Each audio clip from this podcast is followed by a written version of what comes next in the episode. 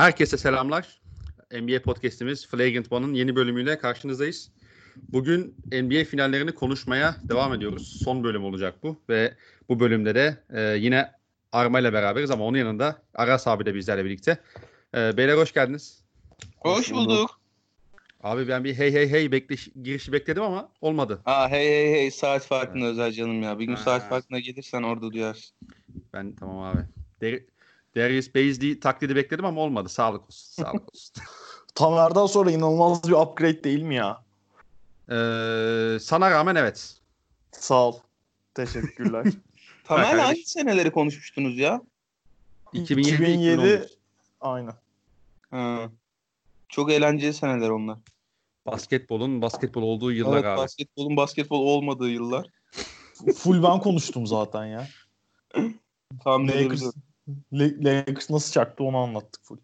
Ee, isterseniz Sen burada gerçekten da tekrar izleyemedin mi hiç o maçı? Yedinci maçı mı abi? Aha. Yok tekrar izlemedim hiç. Oğlum yani şey anlıyorum sebebini de hani keyifli diyemeyeceğim maça ama geçen denk geldim işte ben. Şey, ya bu arada yani bu hani karantina izolasyon izolasyon sürecinde NBA TV sağ olsun hakikaten NBA TV olması çekilmezmiş. Ee, şu anda da açık karşımda saçma sapan bir şey gösteriyorlar gerçi ama e, bayağı işte e, 2008'den beri falan playoff playbacklerini yayınladılar. Hı hı. Ee, orada denk geldim işte 2017. maça ben. Ya o kadar kötü bir maç ki ama bir yandan da işte inanılmaz keyif şey gibi. Tenis penaltılarını herkes kaçırıyormuş gibi.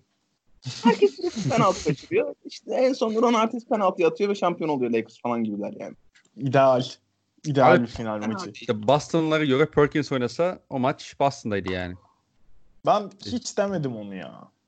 Yok ama öyle konuşan çok fazla Öyle, şey öyle Boston'ı var ya. genelde canım. Var var. Ee, Yok o, değil. o Perkins maalesef bizim başımıza da geldi ondan sonra. Ee, onun 2012 NBA finali zaten direkt o finalle başlayabiliriz isterseniz. Ee, 2012 NBA finali Miami Heat e, ve LeBron James'in artık e, şampiyon ilk şampiyonu nihayet kazandığı yıl. OKC'yi 4-1 ile geçiyorlar. İlk maçı kaybettikten sonra 4 maçı da kazanıp e, artık yani hem e, LeBron'un ilk şampiyonluğu hem de ilk MVP, final MVP ödül, MVP'si ödülünü aldığı seri oluyor. E, abi Aras abi senle başlayalım. Bu seride şey dikkatimi çekti abi benim. E, özellikle Perkins'i e, bir forvetle savunuyor genelde Miami Heat. Ve bunun geçişlerde çok fazla artı yazdığını gördük. E, sen bu seriyle alakalı neler söyleyebilirsin? Ee, seriden önce bu yani playoff'ları işte o tekrar izlerken benim en çok ilgimi çeken şeyden başlamam lazım ki aslında bu serinin de belirleyicilerinden biri. Ya biz işte yeni basketbol, modern basketbol, Türk derken hani kolay kolay bir noktaya böyle parmak basmak, işte oraya mihenk taşı belirleyip ya işte şu dakikadan sonra bu basketbol böyle oynanmaya başlamış demek çok kolay olmuyor. Hı hı. Ee, bu seneyle ilgili benim en çok dikkatimi çeken şeylerden biri şu. O modern basketbol daha başlamamış. Yani bir basketbol ne kadar modern olmayabilirse o kadar modern olmayan bir basketbol var. 2012 hani çok uzak bir tarih değil. 7 sene öncesi ve işte özellikle başroldeki oyuncular işte Kevin Durant'idir, Russell Westbrook'udur, LeBron James'tir falan çoğu hala hayatımızda oldukları için onları başka bir basketbol oynarken izlemek çok garip. Özellikle de benim en çok ilgimi çeken tabii ki bu biraz personelle alakalı bir şey. İşte Hı hı.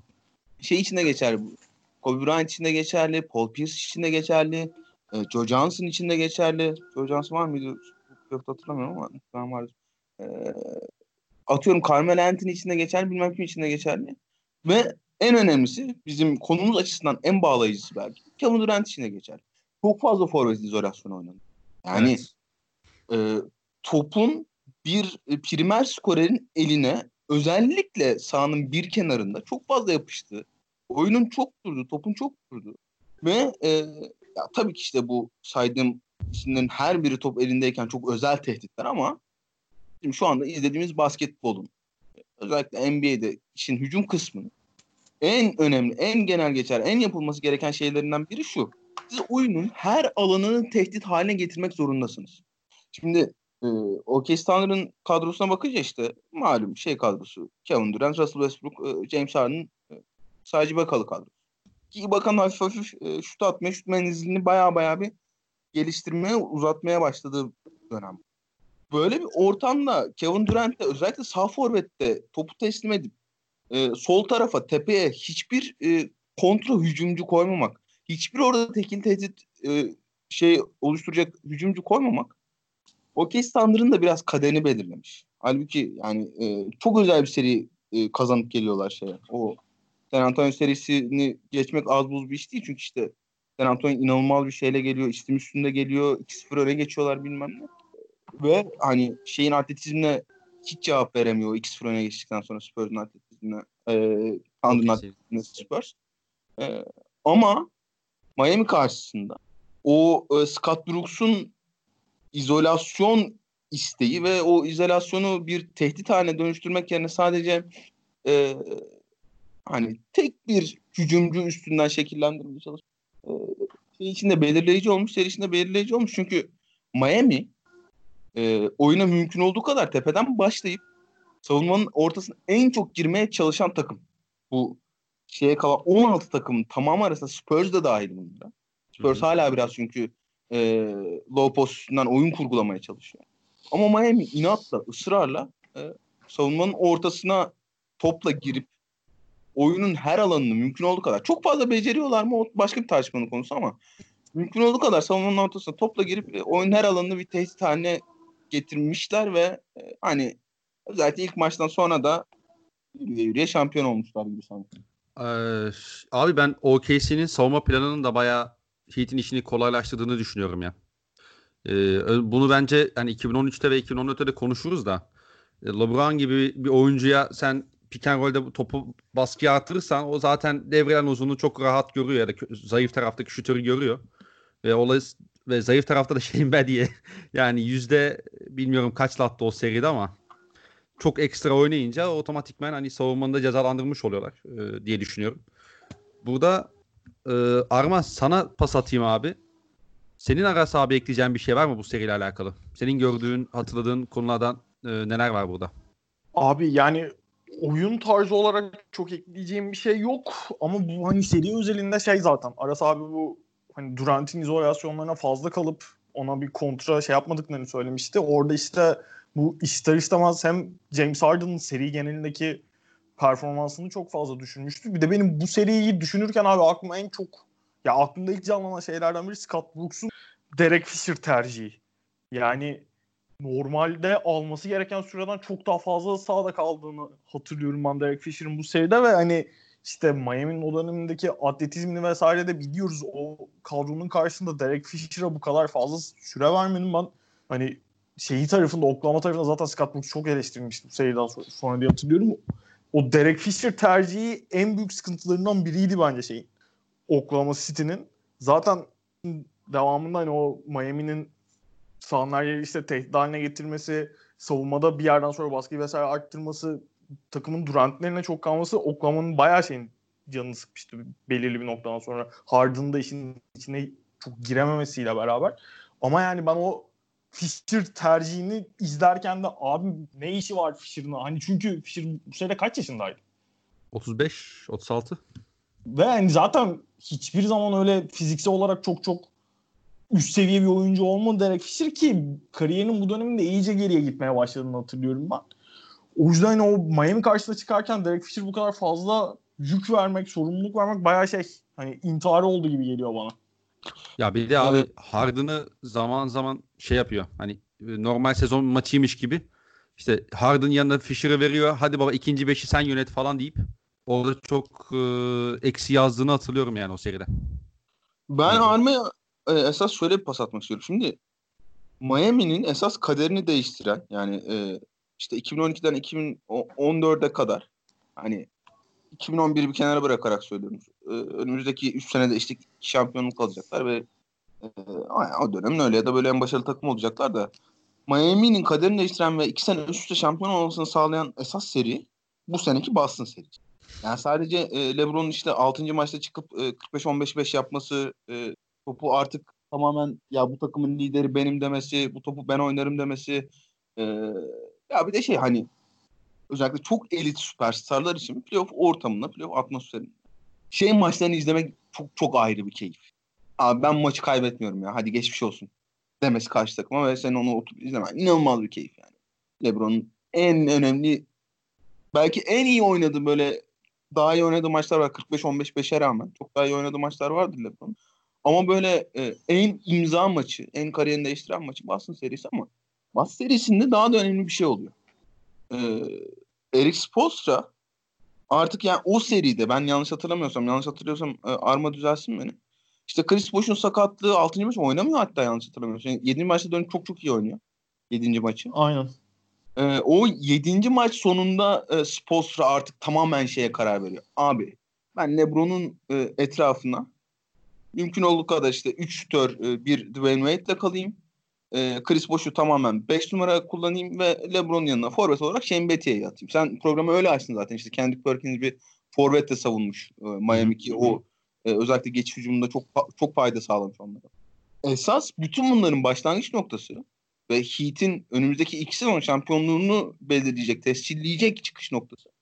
E, o Boston serisinde e, LeBron'un ve Chris Bosh'un yaptıkları gibi geliyor bana. Abi orada ya şeyi sen söyledin zaten biraz işte Chris Bosh'un sakatlığı 6. maçta oynayamaması yanlış hatırlamıyorsam son maçta da öyle çok çok uzun süreler kalmamıştı sahada sakatlıktan döndüğü için ama bir şey daha çok belliydi yani. Bu terste işte daha böyle şutör gibi kullanıp Chris Bosh'u mümkün olduğu kadar alan açıp işleri tamamen LeBron'un eline bırakıyorlardı. O zaten şey çok konuşulan bir şey. Ona çok fazla değinmek istemiyorum. O 6. maçta LeBron'un şeyi de gördük biz. Boston serisinde özellikle. Psikolojik olarak bir eşiği açtığını daha böyle çok daha odaklı bir şekilde ve hani şey söyledin ya ben bu maçı alıyorum beyler geçmiş olsun. Hiç uğraşmayın mantalitesine girdiğini 6. maçta özellikle çok gördük.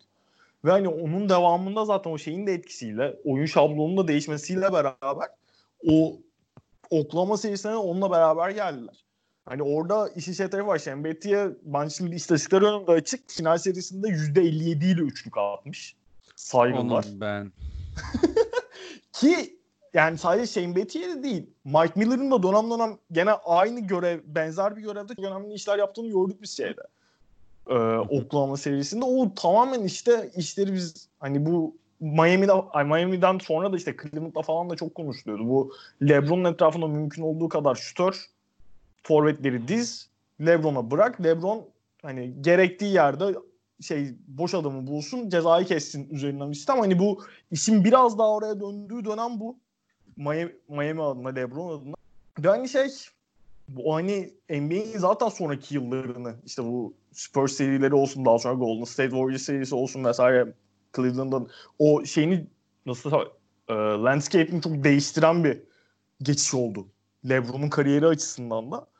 Yani Boston serisini konuşurken benim canım sıkılıyor. Şu anda tadım kaçtı tekrar ama.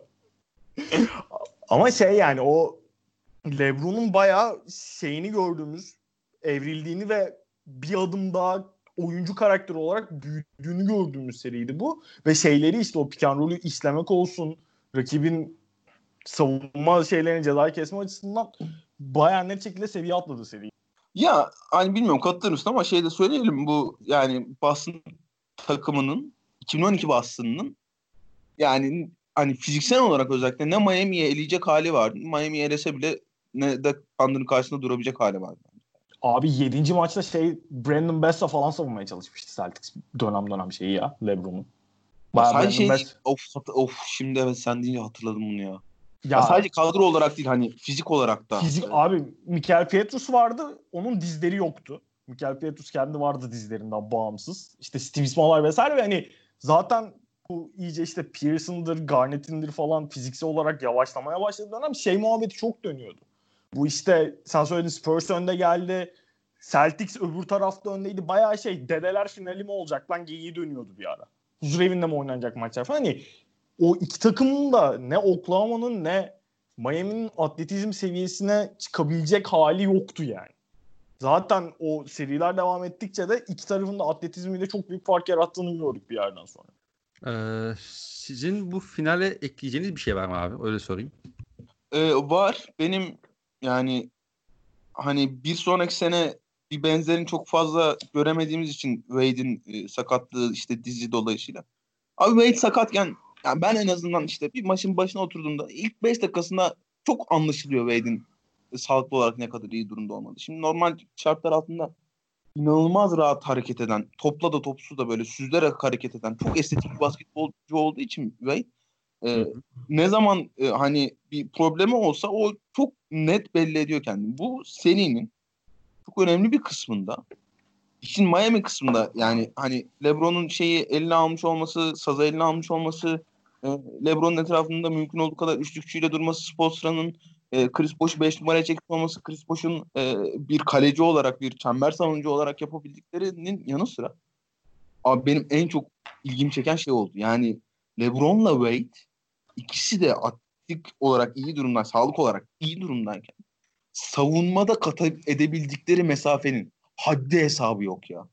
Abi yani Wade e, baya baya özellikle işte hani Chris Bosh'un şey olarak e, atıyorum kendi Perkins'de e, Sergi Bakay'la 48 dakika boyunca Chris Bosh'u müca- e, mücadele ettirmek istemeyebilirsin. Fiziksel farkları da. Boş işte e, yana doğru çok çabuk e, hisleri kuvvetli olan yardım savunmasını çok iyi bilen çok iyi okuyan çok iyi çember savunan bir oyuncu. E, ama yani bunu 48 dakika boyunca yapması mümkün değildi. O anlarda e, Dwayne Wade'in yaptığı çember savunması katkısı abi herif gidiyor şeye e, çember altına iniyor şey görüyor penetre görüyor çember altına gidiyor atıyorum e, Westbrook şeyden hafif sağdan penetre ediyor. Gidiyor çemberin altına savunuyor Westbrook köşedeki adamı görse gidip köşeyi kapatıyor. Yani o iki aksiyonu birden yapabiliyor olması bir gardın ve elit seviyede yapabiliyor. Ee, Miami savunmasını çok çok yukarı çekmiş ki yani her şeye rağmen hani bütün silahlarına rağmen işte Shane e, %57 ile üçlük attı e, dedi şey e, Arma. Mike Miller Shane Betty'ye ikilisi toplam 37'de 22 ile üçlük atmışlar. 5 maçta 37 22 ile üçlük atmışlar. Hani bu iki parça bile bu kadar iyi çalışırken Miami'yi Miami yapan o inanılmaz bir makineye dönüştüren Miami işin savunma kısmı. Ben en çok şeye şaşırdım. Wade'i de bir kenara koyuyorum. LeBron'u yani prime LeBron'un savunmada yapabildiklerini izlemek inanılmaz bir deneyimdi. Yani hani bu sene değil sanırım. Seneye falan mesela bir Nets'le eşleşiyorlar. Joe Johnson bayağı bir şey çıkarıyor. Problem çıkarıyor şey. Miami'ye. Ee, beşinci maç mı? Evet. Beşinci maç şey yaptıkları, eledikleri maç. 4-1 eliyorlar işte. Ee, LeBron son çeyrek şeyi tutuyor. Joe Johnson tutuyor ve kilitliyor. Yani kilitliyordan kastı bir şey falan değil. Ee, işte şey falan konuşuruz az sonra.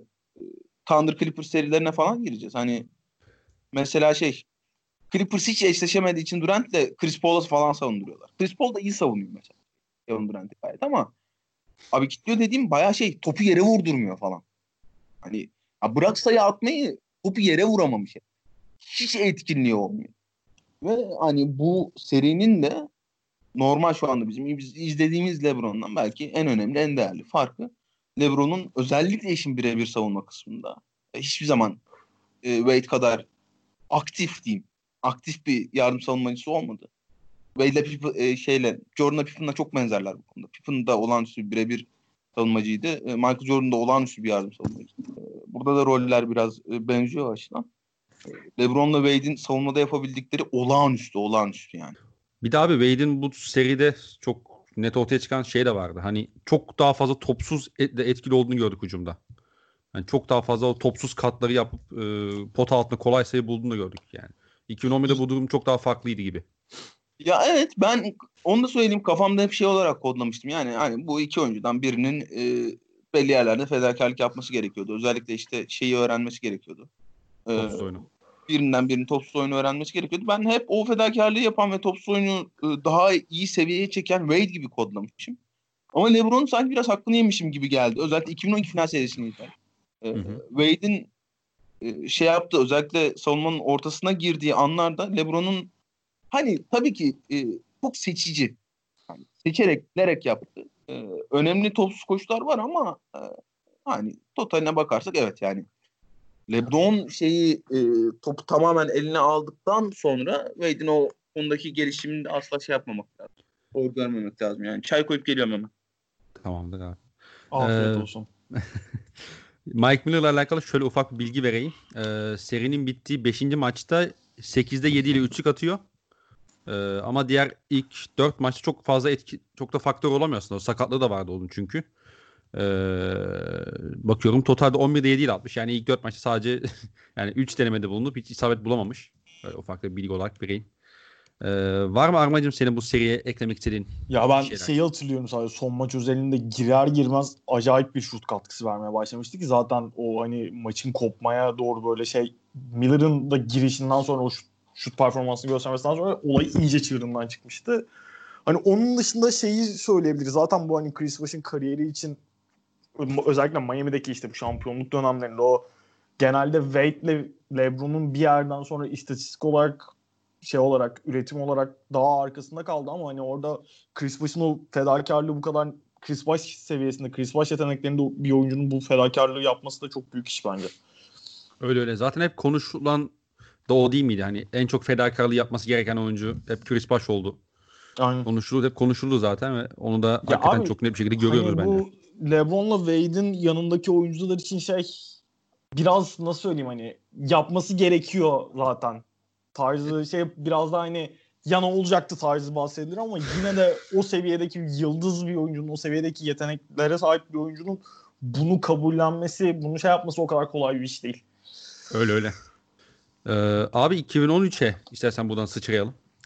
Ee, herhalde yakın tarihin en acayip NBA seri, final serilerinden biriydi. Ee, Miami Heat ikinci şampiyonluğunu kazanıyor üst üste. Ee, bunu tabii ki e, 7 maçta yapıyor ve e, herkesin aklında, herkesin kafasında o 6. E, maç var. E, Chris Bosh'ın o rebound alıp Salep'le Real'ını bulması ve onun da maçı uzatmaya götüren üçlü atması. Ama o, o ana gelene kadar çok fazla konuşacak konu var abi bu seriyle alakalı. Yani hem o 6. maçta var hem o serinin önceki bölümüne e, önceki bölümünden de var. E, Abi o sen, 6. maçı 45 dakika falan konuşuruz ya. O kadar saçma sapan anekdot var ki o maçta yani. Evet evet yani inanılmaz bir maç zaten. Yani e, bu serinin herhalde açık ara. E, sadece bu serinin değil herhalde yakın tarihin en, en acayip maçlarından biri oyun kalitesi bakımından da. Ama istersen baştan başlayalım. Ee, ya San Antonio ilk maçı deplasmanda çalıyor. 92-88 hatta o da Parker'ın o e, ikonik şutu da var aslında hani hatırlarsın. Maçı bitiren. Topu elinden düşürür gibi olup steps yapar gibi olup panyalı soktu şutu diyorsun. Aynen. yani o topu Sanki bilerek yapmış gibi anlattın lan. Evet, tabii canım bu şeydir. Guardlara ilk gün öğretilir altyapıda. bu pozisyonu böyle bitireceğimiz diye.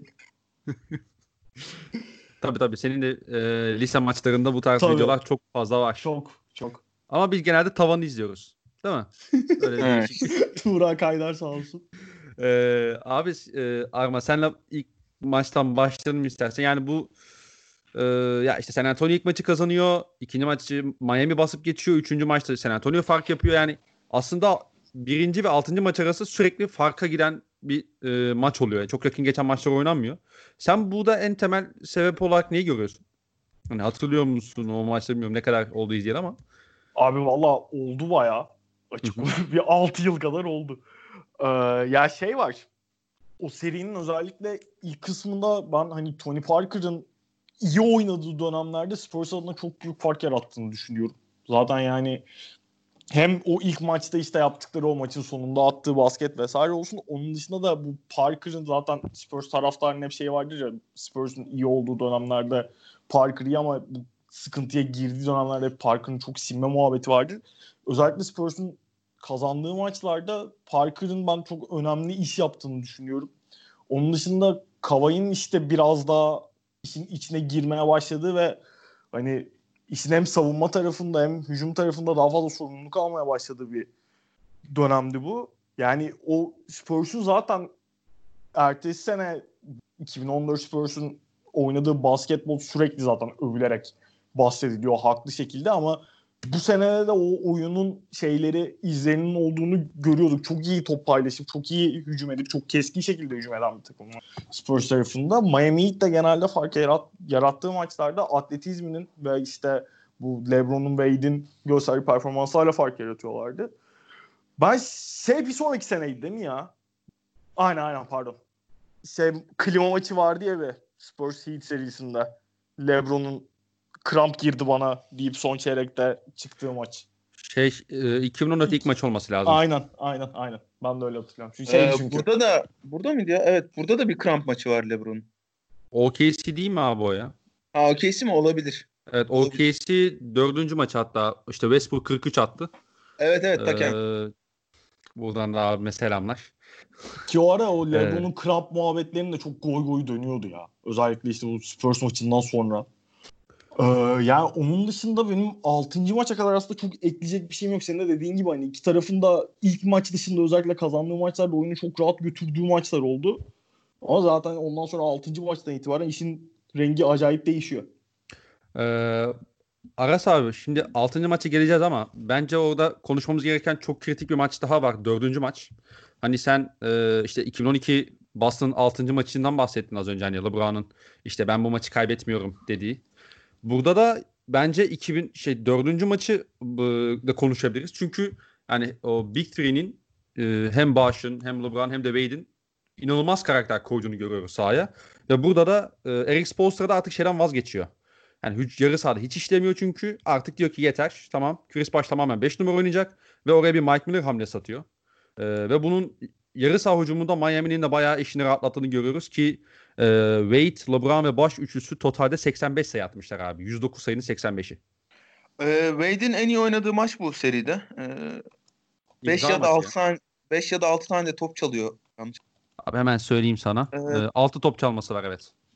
Bu maçtan hemen önce e, Popovic'in şey diye açıklaması var. Hani Wade'den çok fazla yardım getiriyorsunuz LeBron'a. Bunun sebebi ne falan diye açıklaması var. E, Popovic de biraz bıyık altı şey yapıyor. Ya işte Wade öyle demeyin. Hani e, olağanüstü topçu. O bir işte şampiyon. işte e, iki tane şampiyonluğu var. Finals MVP'si var. Öyle bir şey yapmayı düşünmüyoruz falan filan. Ama yapıyorlar. Açık ve net bir şekilde.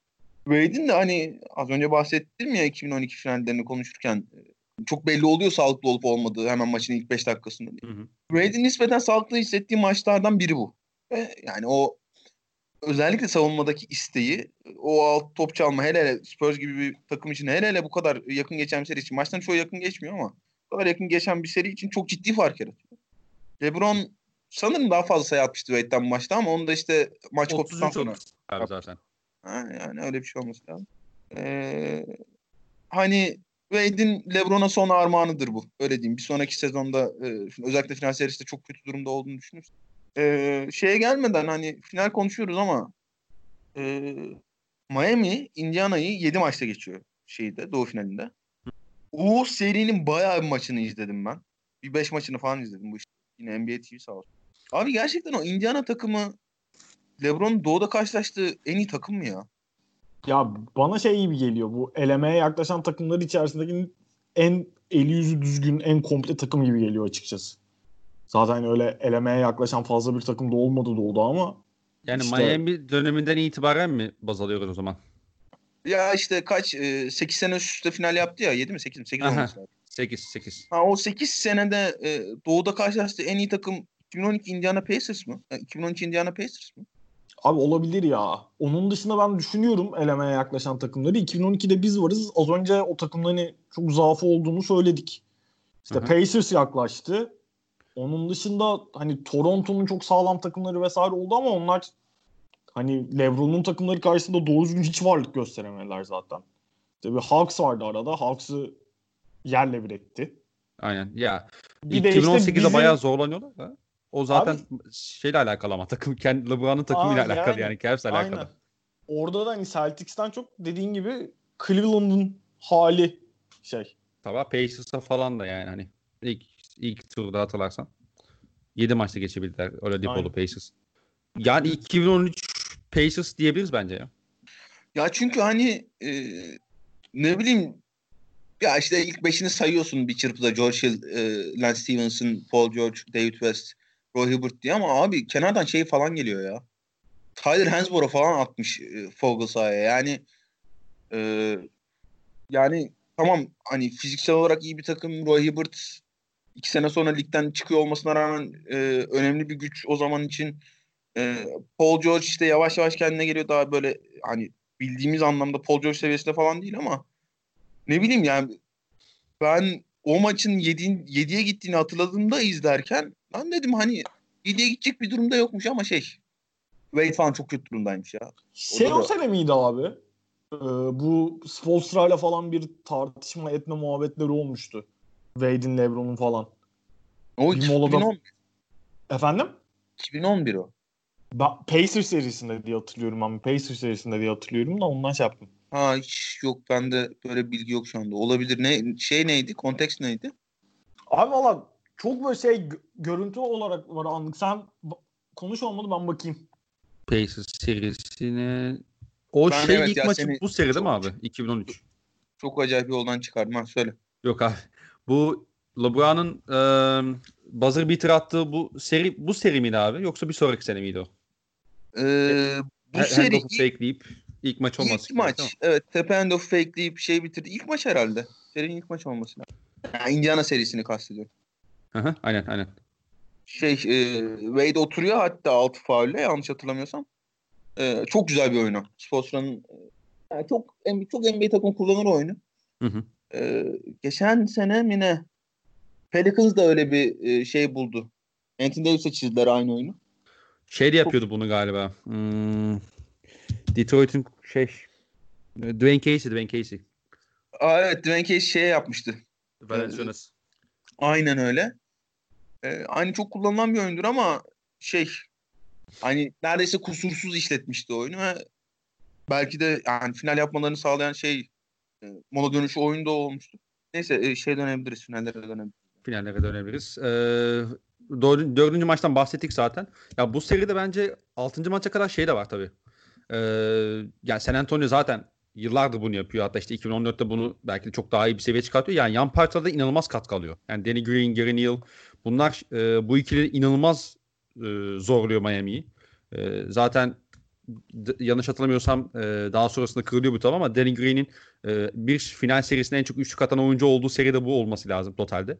Evet ve Ee, şey 5. maçta falan kırıyor. Yani öyle şey değil. 7 maç oynadı da kırdı bu rekoru falan değil. 5. maçta falan kırıyor yanlış hatırlamıyorsam. Aynen. Hatta son iki maçta o ilk beş maçtaki etkinliğinden çok uzak kalıyor. Onu da hatırlıyorum ben o final serisiyle alakalı. Ee, burada bence 6. maçı direkt geçebiliriz.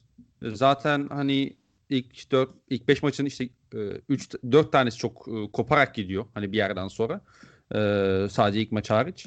Burada ya iki 6. maça geldiğimizde yani o konuşacak o kadar çok konu var ki aslında baktığında. Yani son çeyrekten işte son pozisyondan bahsedebilirsin.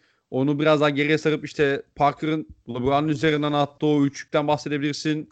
Ee, Popovic'in iki defa Tim Duncan'ı kenara alıp iki defa hücum reboundu verip üçlük yemesinden bahsedebilirsin. Uzatmada Bağış'ın o bloğundan bahsedebilirsin. O kadar çok konu var ki konuşulacak. Yani nereden başlayacağımı da açıkçası tam bilemiyorum bu maçla alakalı. Benim Abi- e, ha söyleyeceğim. Şey Mike Miller'ın ayakkabı muhabbeti, LeBron'un saç bandı muhabbeti falan da onlar da bu maçtaydı değil mi? Aynen, aynen. Hatta bu maçla alakalı şey de söyleyebiliriz. Shane Battier'den ilk defa çok iyi katkı alıyorlar mesela. Ya zaten sen şey dedin ya e, San Antonio yan parçalarından ka- katkı aldıkça tehdit oluşturmuş Miami'ye dedin ya aynısı Miami için de geçerli bu seri. Öyle öyle. Yani e, Mario Chalmers 6. maçı zaten çok iyi oynuyor da e, ikinci maçta mı ne sahanın en skoreri. Attı mı bilmiyorum şu anda bakmak lazım ama Takımının olabilir abi ya. Çünkü şu anda bakıyorum da 19 evet, evet maçın en skoru 19 sayılı aynen. ha değil mi yani LeBron 18 Chalmers 19 mu ne atıyor öyle bir şey. E, Evet. özellikle 19. Chalmers'dan katkı aldıkları maçları kazandı Miami. E, Wade kötü durumda olduğu için.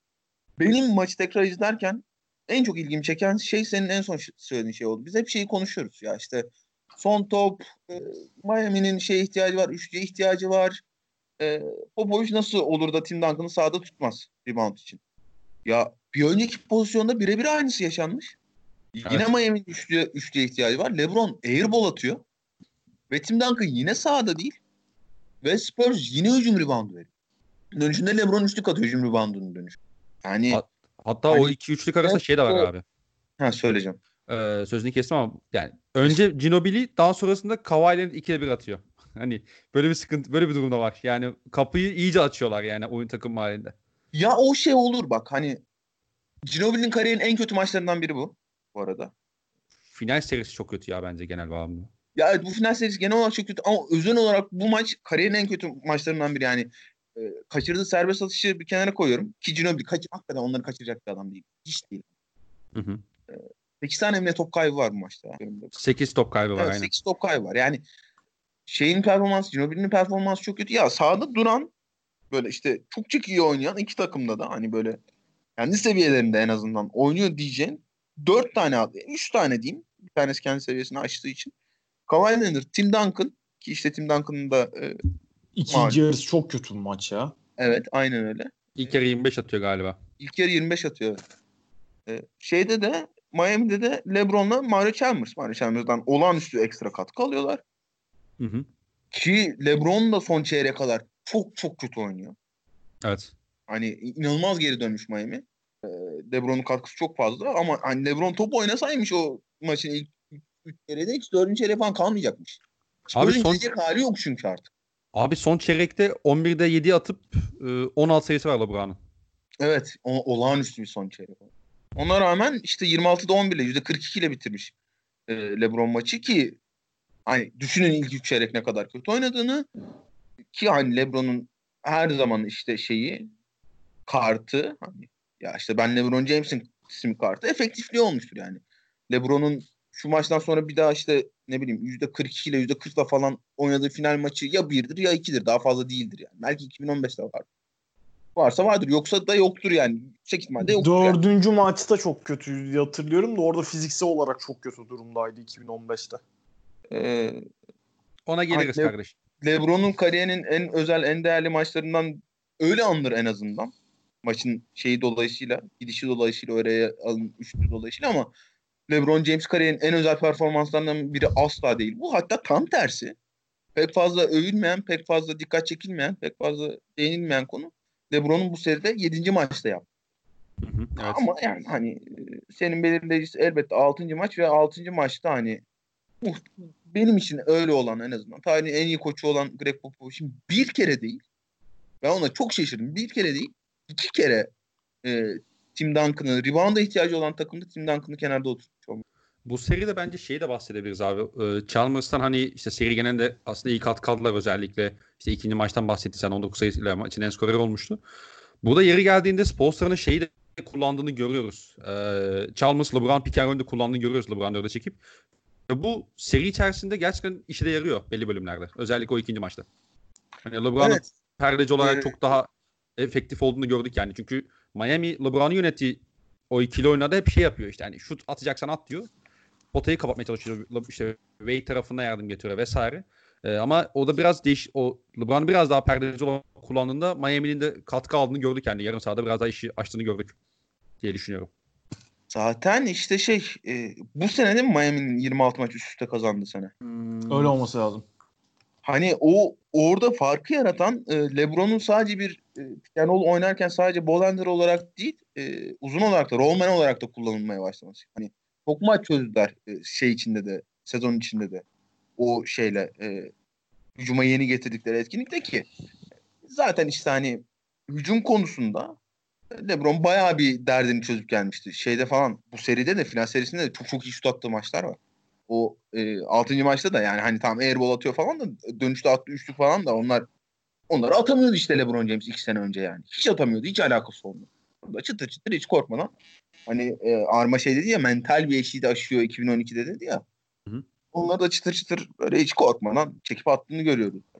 Abi 7. maçta 10'da 5 üçlük atıyor ya. Evet evet tabii canım. Abi O- 7. maçı zaten- zaten şut, şutuyla çözüyor ki LeBron neredeyse.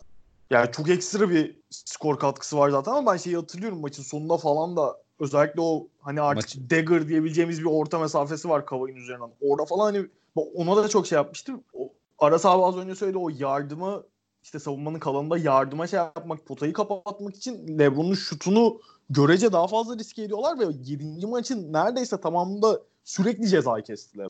Evet evet. Şeyi de söyleyeyim Chalmers'dan bahsetmişken e, sahanın içinde özellikle bir rol oyuncusuysan, bir görev oyuncusuysan ve o görevini iyi seviyede yapabiliyorsan ki bunlar işte genelde iyi savunma yapmak ve iyi üçlük sokmak. Bu, bunları e, belli seviyelerde yapabiliyorsan saha içinde LeBron'la oynamak dünyanın en kolay işlerinden biri. Hı hı. Ee, ama işler kötü gittiğinde de saha dışında dünyanın en zor işleri. Mario Chalmers'ın yani hani Chris Bosh için de geçerli. e, Mario Chalmers'ın o kadar çok eleştiriliyordu ki bir dönem. Ya işte şunu da atamadı da bunu da atamadı da şunu da yapamıyor da bunu da yapamıyor da ama e, hani varsan baksan totalde e, Wade'in çok çok iyi oynadığı bir maç hariç Chris Bosh'un da savunmada yaptıklarını bir kenara koyuyorum. Muhtemelen Miami'nin e, en çok katkı veren ikinci oyuncusu Mario Chalmers bu seri. Ki yani o kadar hani aşağılamalar, hakaretlerle dolu geçmiştir ki Mario Chalmers'ın kariyeri, şey Miami kariyeri. Ee, hani dönüp bakınca Mario Chalmers'ın özellikle hücumda vermiş olduğu katkı da çok değerli bence bu seri. Abi sadece taraftarların falan da değil. Takım içerisinde de işler biraz boka sardı mı bayağı şey günah keçisi gibi dönüp dönüp şamar olan bir Mario Chalmers'a giydiriyorlardı. Ay içinde falan da önüne gelen Mario Chalmers sıfır çalıyordu yani. Bahar uyandı geliyor. Tamam abi. Bu seride şöyle bakıyorum. Ee, başka konuşulabilecek fazla neler var? Yani Real'ından zaman zaman çok iyi kat kalmış bu seride Miami Heat. Ee, en son senle Real'ın konuştuğumuzda bayağı soy sop girme niyetindeydin Armacım ama Abi, sizden sizden yani sonra Celtic, katkı Celtics formasıyla Celtics formasıyla 2009 ilk turundan sonra iyi serisi yok Real'ın. O Chicago Bulls'a saçma Hı-hı. sapan bir bu 50 attığı maçlar falan vardı yani. Ama şey ya burada işte Aras abi şey söyledi ya az önce çalmışsan bahsederken hani görevlerini vesaire bildiğinde LeBron'un yanında oynamak gayet kolay diye. Buraya geldiğinde Real'ın artık hani zaten şey belliydi. İşte kariyerime bir tane daha şampiyonluk almak istiyorum amacıyla gitti hani o rol anlamında, sorumluluk anlamında çeşitli fedakarlıkları yapacağı çok belliydi. Zaten sezonun genelinde de o fedakarlıkları sürekli yaptığını gördük ama yani final serisinde yaptıkları zaten o soktuğu 6. maçta soktuğu şut herhalde yani işte Kyrie'nin şutundan bile daha şey bir şut olabilir ya. NBA'in gidişatını değiştiren bir şut olabilir yani. O Kyrie'nin şutu hani şeyi vardı en azından. Maç berabereydi orada. Evet evet yani. Onun, onun hani telafisi, telafisi vesaire var. var ama Real'ın soktuğu şut ve hani abi o geriye doğru adımlaması şeyi bulabilmesi tam hani o üçlük çizgiye basmaması hem içeriye hem dışarıya o inanılmaz bir şut yani. Abi akıl alır gibi değil ya. Vallahi akıl alır gibi değil yani. Sen orada kendini nasıl ayarlıyorsun ya? Yani şu, o soğukkanlılığı şunu bunu falan geçtim. Yani o adımlamayı sen nasıl ayarlayabilirsin ki abi öyle bir ortamda? Abi işte yani bir yerden sonra onlar bu seviyedeki oyuncularda zaten ayak fundamental vesaire otomatiğe bağlıyor da gene de o kadar rahat temiz çıkarabilmesi o şutu çok acayip. Harbi inanılmaz. Öyle bir anda. Ee, ya seri genelinde de zaten hani iyi şut katkısı da veriyor. Hani Miami Real'ından katkı alıyor. Ee, özellikle serinin başında Mike Miller'dan iyi katkı alıyor. Chalmers'tan bahsettik zaten. Ee, serinin son iki maçında da nihayet hani 2012'de bizi artık öldüren diyelim. Ee, şeyde adını sen söyle. Ee, Shane Berdiye de nihayet katkı veriyor. Son iki maçta yanlış hatırlamıyorsam 12'de 9 mu ne üçlük atıyor Kral. Öyle bir ikisinin toplamında ve e, Miami son iki maçı kazanıp e, Abi 7. maçta kazanıyor. 7. maçta 8'de 6 atmış. An önümde açık. 6'ya Öncekinde de 4'te 3 abi. 4'te 3 olması lazım. 12'de 9 oluyor total. Aa, aynen. 4'te 3.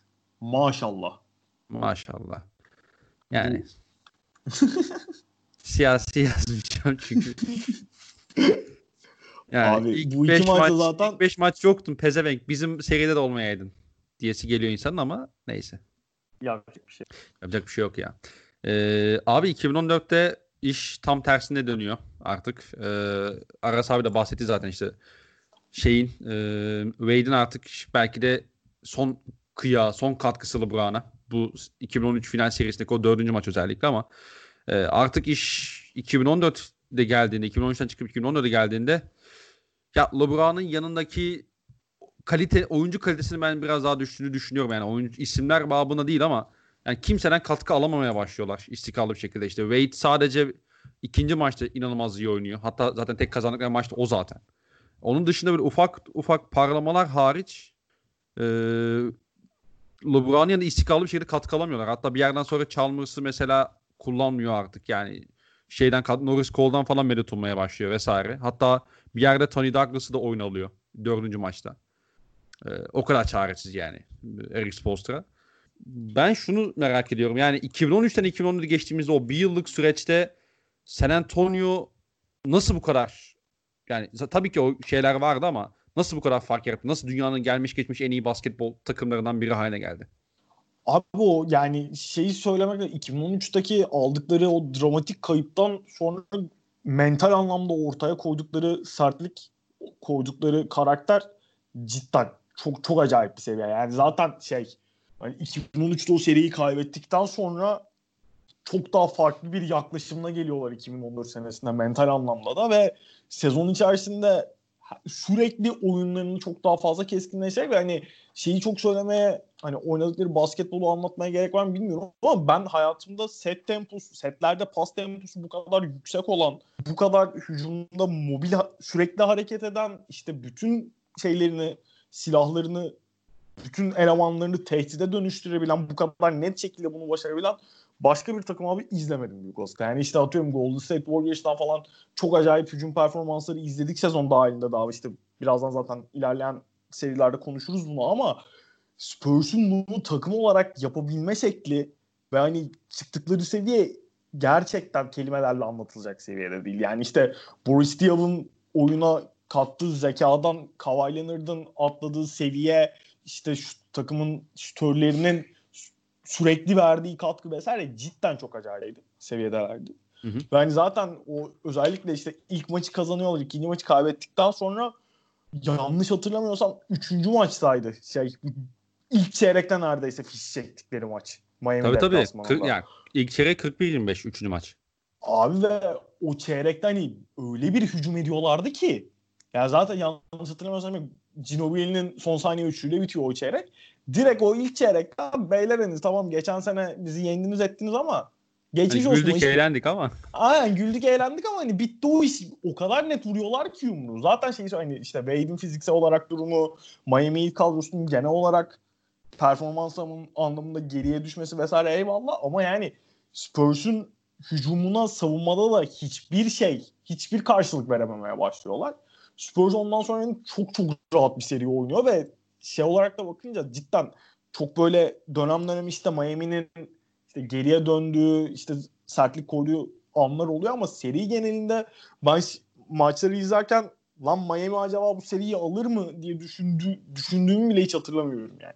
Ee, ya burada aslında ilk iki maçı ve son diğer son üç maçı e, ayrı konuşmak gerekiyor bence. Çünkü hani ilk maç işte 110 şey 110 95 bitiyor. Yani 15 sayı fark gözüküyor ama maçı son aslında 5-6 dakikada falan kopuyor. Tabii tabii çok yakın geçiyor maça. Evet evet yani işte o da LeBron'un o kramp muhabbeti o bu maç zaten. Ee, o kenara gelince artık Miami hiç hücum edemiyor ve artık Spurs o da e, basıp geçiyor. Aras abi burada işte biz Arma ile zaten ilk iki maçı biraz konuştuk gibi oldu. Ya yani... Arma önemli bir şey söyledi. Set tempo. Şimdi hı hı. iki tane şey var. E, 2013'ten iki tane çok temel fark var. Birincisi e, Spurs özellikle final serisini 2013'te kaybettikleri seride final serisini 7 tane oyuncuyla geçiyor esas olarak. Ki o oyunculardan biri de Gary Neal. Hani tamam var Gary Neal'ın e, belli özellikleri ama e, bir NBA final serisinde işte ne bileyim 20 dakika falan oynatmak isteyeceğiniz bir oyuncu değil. Ki çok iyi oynadığı maçlar da vardı genelde. Evet, o evet, kazandıkları maçlardan birinde 7 tane mi üçlük atmıştı yani hatırlıyorum. Üçüncü maçta çok acayip oynamıştı şeyle birlikte. E, Danny Green'le birlikte. Danny Green'le birlikte. Bu sene şimdi rotasyona şey giriyor. E, Patty Mills giriyor. Marco Bellinelli giriyor. Boris Diaw'da daha çok şey almaya başlıyor. Ki hatta Boris Diaw 3. maçtan itibaren ilk 5 başlıyor bu seride. Evet. 2013'te Duncan'ın, Parker'ın falan 40 e, dakikayı geçtiği maçlar var final serisi. Hiç şeyleri kalmıyor. Yani motorda hiçbir şeyleri kalmıyor. İkisinin de. O yani her iki maçı da son dakikalarda kaybetmiş olmalarının sebeplerinden biri de odur. Çok fazla yüklenmek zorunda kalmış Popovic e, Duncan Parker ikilisine ki yani yıllardır e, playoff'ta çok çok fazla maç oynayan. Genel olarak sadece bir fiziksel yorgunluk değil eminim bir mental yorgunluk da vardır üstlerinde. Bütün sezonu ben Miami'nin tekrar karşısına çıkacağım finalde e, ona göre e, çizeyim senaryomu diye giden ve e, bu seride de işte 30-35 dakika ların üstüne çıkmamasını sağlayan bir takım kuruyor. İkincisi de abi şimdi e, Tony Parker penetreci pasör. Tim Duncan olağanüstü pasör. Man Manu Ginobili e, penetreci pasör. Boris Diaw pasör. Pet, Petimiz bitirici. Danny Green bitirici. Marco Bellinelli bitirici. Şimdi sen bu yani Kawhi Leonard'da işte zaten hani e, 2014 Kawhi Leonard'ı kastediyorum. Hı hı. Tarihin en enteresan jokerlerinden biri. Evet, evet. Hem savunmada yapabildikleriyle hem bu sene itibariyle hücumda yapabildikleriyle tarihin en enteresan jokerlerinden biri. Şimdi bu kadroyla Popovic şunu düşünerek girmiş. Abi ben yani hani dünyanın en hızlı takım değilim. Dünyanın en atlet takım değilim. Ama muhtemelen dünyanın en pasör takımıyım. Karşı tarafta evet sen şey dedin hani LeBron'un e, yanındaki oyuncuların şeyi çok düşmüş. e, kalitesi çok düşmüş sezon dedin. Çok haklısın. Ama öyle ya da böyle hani e, böyle birebir iki takımı karşı karşıya koyduğunda atletizmle cevap vermesi çok mümkün değil San Antonio Spurs'un Miami'ye karşı. 2014 her şeye rağmen. Çok daha taze, çok daha zinde giriyor olmalarına rağmen final serisine. Yine de atletizmine çok fazla karşılık verebilmesi mümkün. Bu ortamda Popovic'in tempoyu dikte edebilmesi için, tempoyu tutabilmesi için bu noktada. Çünkü tutması gerekiyor tempo. O atletizm şeyine karşılık. Tempoyu tutabilmesi için yapması gereken bir numaralı şey. Çok fazla pas üstün. 20-23 saniyeye varan bir e, hücum yani biz hep şey diye hatırlıyoruz ha. Set temposu. Set temposuyla normal tempo arasındaki en temel fark bu işte. Yani o 20-23 saniyeyi pas pas pas pas pas pas pas pasla oynarsan hem e, toplam hücum sayısını çok azaltabiliyorsun maç genelinde. Hem karşı takımın atletizmine karşılık verebiliyorsun. Hem de tempoyu senin istediğin noktaya çekebiliyorsun. Hı. İşte olağanüstü pasörler pasörlerden kurulu birbirine alışık takımın, birbirine alışık kadronun becerebildiği ve o olağanüstü basketbolu oynamasına sebep olan abi yani şey hani spor bir e, rekabet temaşası olduğu için karşında kim varsa sen ona göre konumlanıyorsun. Ve Miami'nin o 3 senelik e, hatta işte yani 2011'de sayarsak 4 senelik hükümdarlığının belki de en güzel meyvesi 2014 San Antonio Spurs. Onlara karşı konumlandığı için bu kadar güzel bir basketbol oynadı San Antonio Spurs. Yoksa şeyi hatırlayın. 25 Detroit serisini falan hatırlayın yani. Hiç böyle bir derdi yoktu bu için. Ben olağanüstü bir savunma takımıyım diyordu. Ee, 70-70 bitsin ben o maçtan çıkarım bir, bir şekilde. Benim Tim Duncan'ım var. Tony Parker'ım var. Manu Ginobili'm var. Ben o, e, o maçtan çıkarım diyordu. Detroit karşısında. Ama Miami'ye karşılık verebilmek için belki de şu ana kadar bizim izlediğimiz ve muhtemelen izleyeceğimiz en güzel basketbol sundular bize. Burada aslında şeyi söyleyebiliriz abi. Hani siz set temposunda zaten bahsettiniz. Ama bu seride ben şeyi de çok net hatırlıyorum. Hani zaten izleyeli çok fazla olmadı. Bir iki hafta ya da bir hafta kadar oldu da. E, şey de hmm, Popovic sürekli tempoyu da arttırmasını istiyor takımdan. Aslında biraz garip bir şekilde. Hani çünkü atletizm bakımından işte Miami'nin aslında e, ağır basını söyleyebiliriz ama işte burada belki de o derin bench'in e, meyvesini çok iyi yiyor. Paddy Mills'tan işte katkı alıyor. Ginobili'den vesaire. E, ama o tempoyu da arttırmak istediğini görüyoruz ve e, hakikaten de hani San Antonio'nun işte Miami'ye bu alanda da üstünü kurduğu ortada gibi. Benim burada sormak istediğim şey var abi sana. Ee, Manu Ginobili. yani 2013'ü çok kötü oynuyor ama 2014'te artık geldiğinde çok başka bir mentaliteyle sahaya çıkıyor ve e, ne zaman başı sıkışsa e, şeyin imdadına yetişiyor bu seride San Antonio'nun. Özellikle o 5. maçta e, şeyi biliyorsunuz zaten. Yani çok iyi başlıyor. Galiba fark 17'ye kadar çıkartıyor. Ama ondan sonra Manu Ginobili oyuna girip e, hem maçın hem de serinin gidişatını tamamen Spurs lehine değiştiriyor. Bu seride daha fazla şey- şey görüyoruz ya. Değil mi? Ginobili çok daha aslında artık bir oyun kurucuya evrilmiş gözüküyor. Artık kariyerinin bu noktasında. Şey değil sadece bu seri özelinde ya da sadece 5. maç özelinde değil. Basketbol tarihi için Manu Ginobili basketbol tarihinin en özel sorun çözücülerinden biri. Şimdi hücum kısmında Manu Ginobili'nin yaratıcılık, pasörlük, e, ikili oyun oynama becerisi ve e, yani hepsinin temelinde ve sonucunda bulunan basketbol IQ seviyesinde biz çok fazla oyuncu izlemedik ve izlemeyeceğiz. Ama bu da biraz şeye de denk geliyor. Mesela e, 2013'te Manu'yu ilk 5'e bile atmak zorunda kalmıştı. Final serisinde 2-3 maçta yanlış. Bu serinin tamamında 5 maçında tamamında e, yedekten geliyor yapmak istediği gibi. Ve dediğim gibi çok daha taze kalıyor zaten final serisine kadar da. Şeyi çok daha geniş olduğu için, rotasyonu çok daha geniş olduğu için.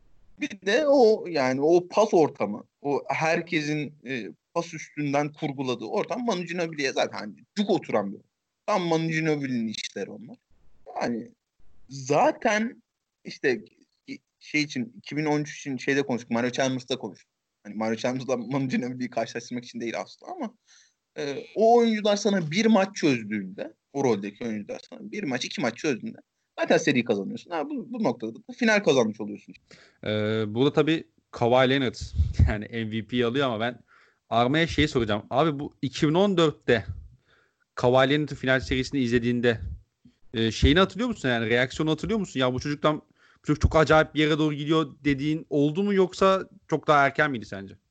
Çok eks, fark, çok ekstra bir şey tabii bu. Ee, şeyin farkı yani. Çok ekstra bir e, final MVP'si. Çok değişik yani ama. Abi orada ya Aras abinin söylediği o dönemdeki Kavay'ın işte çok acayip bir Joker olma durumu vardı. Ben hani bu seriyi izledikten sonra bu seriyi izlerken ya da Kavay'ın sonraki yıllarda geleceği hale evrileceğini pek düşünmüyordum açıkçası. Hı hı. Çünkü hani işin hücum tarafında çok daha kendi işte hani verimli olacağı anları seçen sorumluluğu dönem dönem alan ama yani nerede devreye gireceğini daha çok seçerek oynayan bir Kawhi Leonard var. Daha işte orada biraz daha işi savunma tarafında LeBron'u savunma ta- sorumluluğu çok daha fazlaydı. Ha, ama işi şey tarafı var. Hücumda devreye girdiği zaman çok iyi iş yapıyordu evet. Ama ben hani buradan uçar gideri işte ligin en iyi 2-3 oyuncusundan biri olur şeyine noktasına gelmem benim hani daha böyle bir iki yıl sonra falan oldu. Ben hatta bizim işte benim yanımda bir arkadaşım var Spurs'ta o acayip bir Spurs. Kawhi Leonard'da her sezonda çocuk bu sene daha iyi olacak işte şu işi bekliyorum falan dedim. Ben sürekli şey diyordum.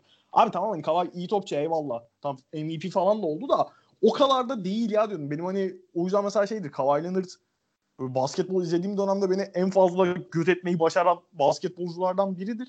Ben bu seviyeye gelmesini beklemiyordum. Biraz daha bu işte sistemin bu basketbol felsefesinin içinde çok çok değerli parça olduğunu düşünüyordum. Ama yani bu seride yaptığı işlerin de tamam işin hücum tarafında vesaire işte çok verimli skor ürettiğinde çok verimli şekilde üretiyordu ama savunma tarafında da çok çok büyük iş yapmıştı. Yani o zaten bu şey muhabbeti var diye biraz da. İşte LeBron'u durduran MVP alıyor abi falan muhabbeti. Hani ben onu Kavay'ın mesela Iguodala'ya kıyasla çok daha hak ederek ve hani tarafından bakınca da şimdi bir sonraki sene onu konuşuruz zaten. LeBron'u burada gene önceki yıllarına göre daha şey bir e, geriye gitmiş bir kadrosu vardı eyvallah. Ama gene de isim olarak, yetenek seviyesi olarak bir sonraki seneyle kıyaslanmayacak bir kadrosu. Hı hı. Ona rağmen ta- takım olarak da zaten San Antonio Spurs çok iyi bir sav- savunma takımı ama Kavai'nin hem fiziksel olarak hem savunma zekası olarak yaptığı işler çok etkileyiciydi bu sayıda. Ee, ya zaten işte ilk iki maçı tot- mesela hücumda da şeyi söyleyelim. Abi ilk iki maçta totalde 18 sayı attıktan sonra e, son 4 maçtaki istatistiklerine bir hemen göz atacağım. Çünkü bir, ma- bir maçta 13'te 10 atıp 27 sayı, 29 sayı falan atıyor. Çok sabah bir şey yapıyor zaten. Ee, onun dışında Aras abi senin bu finale eklemek istediğin bir şey var mı? Ee, yok abi yani Kawhi Leonard konusunda hayır hani e, Arman'ın dediği gibi ya evet MVP hak etti mi? Yani işte istatistikleri yakın şeyle Tim Duncan'la falan. Olur. Çok önemli değil. E, ben çok sevinmiştim Kawhi Onu hatırlıyorum. E, şeydeydik biz. Eşimle balayındaydık. Hı hı.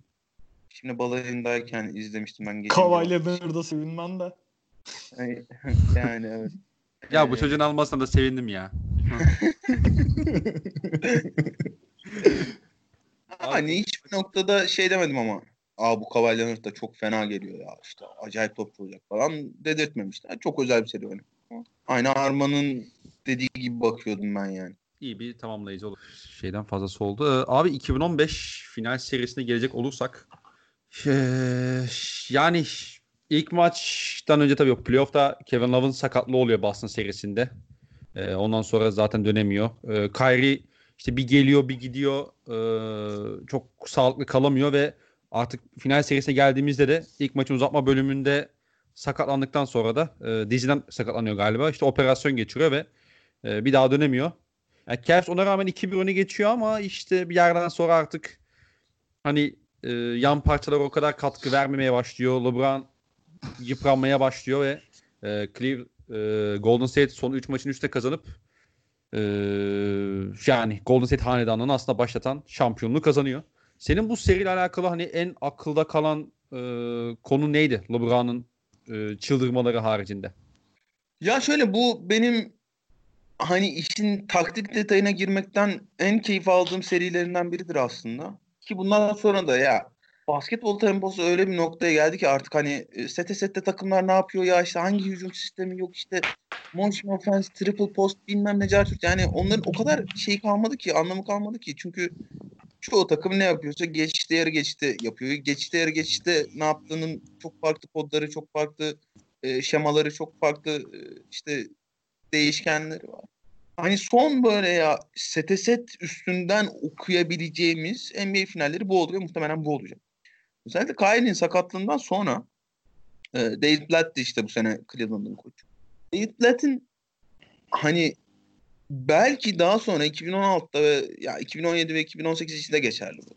Takımların Golden State'e nasıl karşılık verebilir sorusuna cevap bulmaya çalıştığı şey seri her zaman bu oldu gibi geliyor.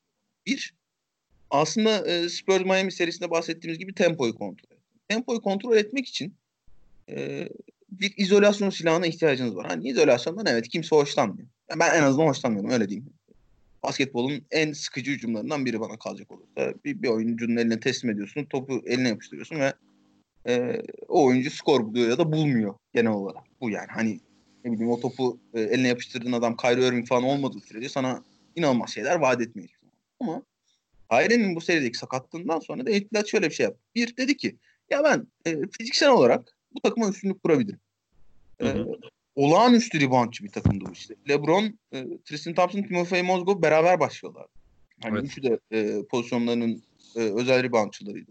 İkincisi özellikle Tristan Thompson'ın e, Andrew Bogut'la eşleştiği dönemlerde e, çok fazla LeBron'u mid post e, şeyi izolasyonu oynatıyordu. Mid posttan kastım işte yüksek post, alçak postun arasında kalan o sıkışan bölge. Şimdi oradan oynatmasının e, çok temel bir sebebi vardı. Bir, e, posta LeBron'a top indiğinde Tristan Thompson'ı o postun karşı postuna koyuyordu. Bogut'un karşısına özellikle. Tristan Thompson olağanüstü hücum rebound tehdidi olduğu için e, Bogut'u olduğu yere mıhlıyordu. Bogut, e, Tristan Thompson çok fazla şey yapamıyordu. Bırakıp e, yardıma gidemiyordu. Hani bunu tepeden başlatmasın, başlatmamasının sebeplerinden biri de e, Bogut o rotasyonu yaptığında, kaymayı yaptığında, penetreye yardıma gittiğinde hı hı. E, bir diğer rotasyon dipten gelip e, şey e, Tristan Thompson'ın hücum reboundu şeyini kesmesin diye. Onu mid posta çekerek inanılmaz e, teknik nerd bir şey anlatıyorum. Şu anda farkındayım. Çok saçma şeyler anlatıyorum ama e, LeBron'un o izolasyonunu mid posta çekerek mümkün olan en kısa mesafeden LeBron'un e, çembere gitmesini sağlayarak e, hani şeyin Golden State'in bütün bilindik e, savunma rotasyonu şemalarını da devre dışı bırak. Hı hı. Ha yani Kyrie'siz, Kevin Love'sız e, şeyin e, Cleveland'ın Golden State Warriors'la baş etmesi mümkün değil ve baş edemediler. E, aradaki kalite farkı sebebi. Ama o özellikle fiziksel olarak ve işin hücum reboundu kısmında tehdit yaratarak e, Golden State Warriors'ı zorlama kısmı hani ondan sonraki 3 e, senede Tyron Lue'nun en azından mentalite olarak en fazla başvurduğu şey oldu. E, Golden State'i yenebilme adına. Ee, burada Golden State tarafına geçecek olursak hani işte ilk maçta Kyrie son bölümde sakatlanıyor uzatmada. İkinci ve üçüncü maçta hani Della Vedova zaten o artık sürekli hani patlatılır. Yani inanılmaz savunması var Curry'e karşı. Ama ben dördüncü maçtan itibaren hani e, burada Steve Kerr'ın da bir şey değiştirdiğini düşünüyorum. Bilmiyorum sizin bu konudaki yorumunuz ne. Çok daha fazla oyunu basite indirgiyor abi. Çok daha fazla Curry, Draymond Green pick and başvuruyor. Çünkü öteki yani topsuz oyunda Delavedova'dan kurtulamıyor Curry.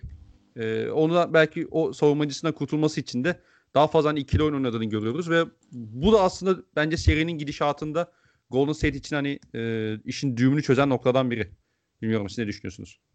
Abi ben ya sen şey söyledin dördüncü maçtan itibaren dedin ben bu serinin düğümünü en azından teori olarak Golden State Warriors'ın üçüncü maçın son çeyreğinde çözdüğünü düşünüyorum. Orada mesela ikinci maçta hiç oynatmadığı David Lee'ye ciddi süre vermişti Steve Kerr şeyde geriye düştükten sonra ve David Lee o işte pick and roll'lerden sonra o dörde üçleri oynamakta fena iş yapmamıştı David Lee'de. Ondan sonra zaten benim mesela şey dördüncü maç öncesinde hani ilk beşte bir değişikliğe gitmesi zaten bekleniyordu Steve Kerr'ın. Ben üçüncü maçın özellikle son çeyreğinden sonra David Lee'yi atmasını bekliyordum mesela dördüncü maçta sahaya. Hı-hı. Onun yerine Andrei Iguodala'yı atarak şey yaptı. Yani oradan itibaren senin de söylediğin gibi işi daha basite indirgeyerek o işte and roll'e 4'e 3'e vesaire oynatarak Golden State işini çok daha fazla kolaylaştırdı. Ha, burada şeyi söylemek lazım. Yanlış hatırlıyorsam, siz hatırlıyorsanız düzeltin. İşte sen Devodova'nın özellikle savunmada fiziksel anlamda Stephen Curry'i çok zorladığını söyledin. Hı-hı. Abi dördüncü maça gelirken ne Lebron'un ne Devodova'nın hatta Devodova yanlış hatırlamıyorsam dördüncü maçtan önce bir geceyi hastanede geçirmiş diye hatırlıyorum. Üçüncü maçtan sonra evet. Öyle bir muhabbet Hastaneye var. Hastaneye gitmişti evet evet.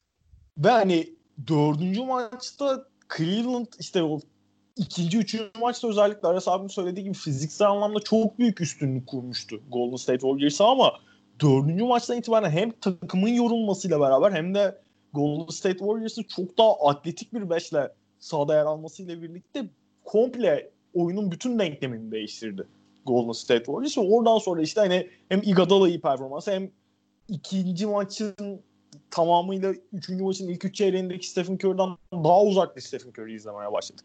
İşte dördüncü maçta Iguodala işin içine çok daha girdi. Beşinci maçta Steph'in çok iyi bir performansı var. Ben o maçın hani Steph'in final performansları konuşulurken underrated edildiğini düşünüyorum. Özellikle maçın son kısmında çok çok önemli işler yapmıştı Stephen Curry. Tabii tabii. Şey, Bay, Area'da oynadıkları maçta ve hani senin de söylediğin gibi o iş daha sete sette o dördü üçlere and vesaire döndükten sonra Cleveland'ın şeyi yetenek tavanı hani Golden State'e hiç yaklaşamadığı için fiziksel yorgunluğun da getirileriyle beraber oradan sonra ipin ucu kaçtı bence.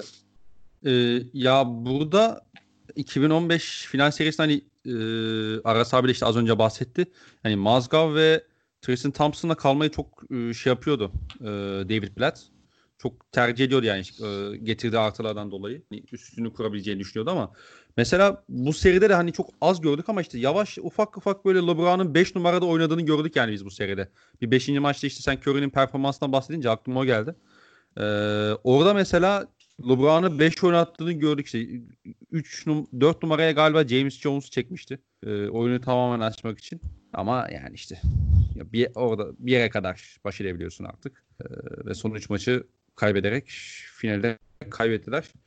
Ee, buradan isterseniz yani Golden State Cleveland rekabetinin ikinci ayağına geçelim. Bizim de son finalimiz olacak. Ee, Aras abi burada konuşulacak aslında çok fazla konu var ama hani 2013'teki gibi e, çok fazla kopup giden maç var. E, çok yakın geçen işte sonlara sonlara doğru kopup giden maçlar da var ama işte 7. maç dışında böyle çok e, kıran kırana işte iki takımın da oyunun içinde tamamen kaldığı bir maç izleyemedik. Abi sence bu neden kaynaklandı? Ya bu yani hani bu sene özellikle çok fazla görmeye başlamıştık biz e, ligler ertelenmeden. Bu biraz e, basketbolun geldiği noktayla alakalı. Hani artık o kadar o metronom o kadar hızlı sallanmaya başladı ki sağa sola sağa sola sağa sola sürekli. Hı hı. Bir takım işte özellikle üçlükleri girmeye başladığında tempoyu tutabilmeye başladığında tempoyu kontrol edebilmeye başladığında tempoyu istediği gibi ayarlamaya başladığında belli bir seri yakalıyor. İşte 8-0'lık 9 Karşı takım ona bir noktada bir seriyle cevap veriyor. 13-0'lık 14-0'lık. Ee, o seri üstünden sürekli yani sen attın ben attım sen attın ben attım ya da e, sen kaçırdın ben kaçırdım üstünden çok seri üstünden ilerlediği için maçlar belli seriler ve o tempoyu tutabilme üstünden ilerlediği için maç e, çok fazla bulavaat görüyoruz biz artık. Bu seri özelinde e, çok fazla kopan maç olmasının en temel sebeplerinden biri abi bu iki takımda e, yani Cleveland 2016 Cleveland'ın o kısmı biraz göz ardı edilir. Bu iki takım da olağanüstü hücum takımı. Yani ikisi de e, şu yani şu temelli demek istemiyorum şeye. Golden State Warriors'a çok e, hani yanlış anlaşılan ve e, biraz fazla üstüne oynanılan bir yanılgı bu. Golden State Warriors, Steve Kerr'in Golden State Warriors. Pas temelli bir takım her şey. E, ama yani hani tabii ki en önemli tehditleri onların şut. O şut üstünden zaten bir sürü pas kanalı açılıyor. Zaten hani ben şey diye düşünüyorum hep. Bilmiyorum katılır mısınız buna? Hani sanki 2015'te Cleveland şampiyon olmalıymış. Ondan sonraki 3 sene Golden State Warriors şampiyon olmalıymış ve e, basketbol tarihi ne ne öyle bakınca çok daha böyle hani ya evet böyle bazı şeyler daha fazla benim kafamda oturuyor. İşte Golden State Warriors'da bizim istediğimiz gibi her böyle işte televizyonda izlediğimiz kahraman gibi o çekmesi gereken acıyı çekerdi ve onun üstüne e, başka bir hikaye yazarak oraya gelirdi. Şimdi Golden State Warriors'ın bu kadar ezilmesini, gömülmesini ya işte şut atıyorlar, üçlük atıyorlar. Allah cezalarını versin. Draymond Green çok itici bilmem ne bilmem ne denmesinin sebebi, sebeplerinden biri. Golden State Warriors'ın oraya pek fazla acı çekmeden gelmiş o. Kevin Durant'e kadar olan kısmı söylüyorum. Kevin Durant'ten sonrası gayet normal geliyor bana da. Ee, hani 2015'te Kyrie ile Kevin Love sağlıklı olsa şampiyon olurlardı demek istemiyorum. Çünkü o hiçbir temele oturtamayacağım bir argüman o. Ol, olabilirler miydi? Elbette olabilirlerdi. Ama olsalardı daha iyi olurdu sanki basketbol tarihi için geliyor bana da. Buraya nereden geldim? O kadar hatırlamıyorum ki. Bu final serisinin işte neden kopup kopup gittiğini falan Aha, evet yani e, Cleveland ya iki takım da çok özel hücum takımları olması ve o, o şeyi e, tempoyu istedikleri gibi kontrol edebildikleri an olağanüstü seriler yakalayabilmesi. E, işin garibi şu anda karşımda şey açık. Bu serinin 5. maçı herhalde. Draymond'un Ee, olmadığı. 5. maç mı Draymond'un olmadığı? Aynen. Aynen. E hadi biraz da o muhabbetlere girelim bakalım. Kyrie 11'de 9'da 21 sayı atmış ilk yarı. O LeBron haterları toplanıyor. Bir dakika kardeşim. Bu yayında e, LeBron hakkı hiç yenmemiştir değil mi Aras abi? Asla. Asla. Benim olduğum yayında ben LeBron'un hakkını yedirmem zaten. Ya senin deli gibi total yaptığın bir sonraki sene miydi bir önceki sene miydi bunda? Saat farkında. Bir sonraki seneydi ya. Bir sonraki seneydi değil mi? İşte Tamam. Abi işte o 5. Ya maç. bu sene yapılan totemlere ben inanılmaz uyuz olup yapmıştım onu çünkü oradan hatırlıyorum yani. Abi ne, neydi totemin? Ya şey falan diyordum sürekli. E, hani LeBron final kaybetmez falan öyle şeyler diyordum herhalde. Şeyi hatırlıyorum ben bu iki takımı işte bu kafamda oynarken Warriors'ın yenebileceği herhangi bir senaryo canlanmıyor benim kafamda. LeBron'un kaybedeceği bir senaryo canlanmıyor falan tarzı bir cümlem vardı. Öyle hatırlıyorum. Çok iyi. ya abi işte seride işte ilk dört maçı bakacak olursak zaten kopup gidiyor. Ee, yani dördüncü maçta Golden State artık işi bitirmişe benziyor ama o beşinci maçta hem LeBron ve Kyrie ikilisinin inanılmaz performansı hem e, Draymond'un cezası derken işin rengi o da değişiyor.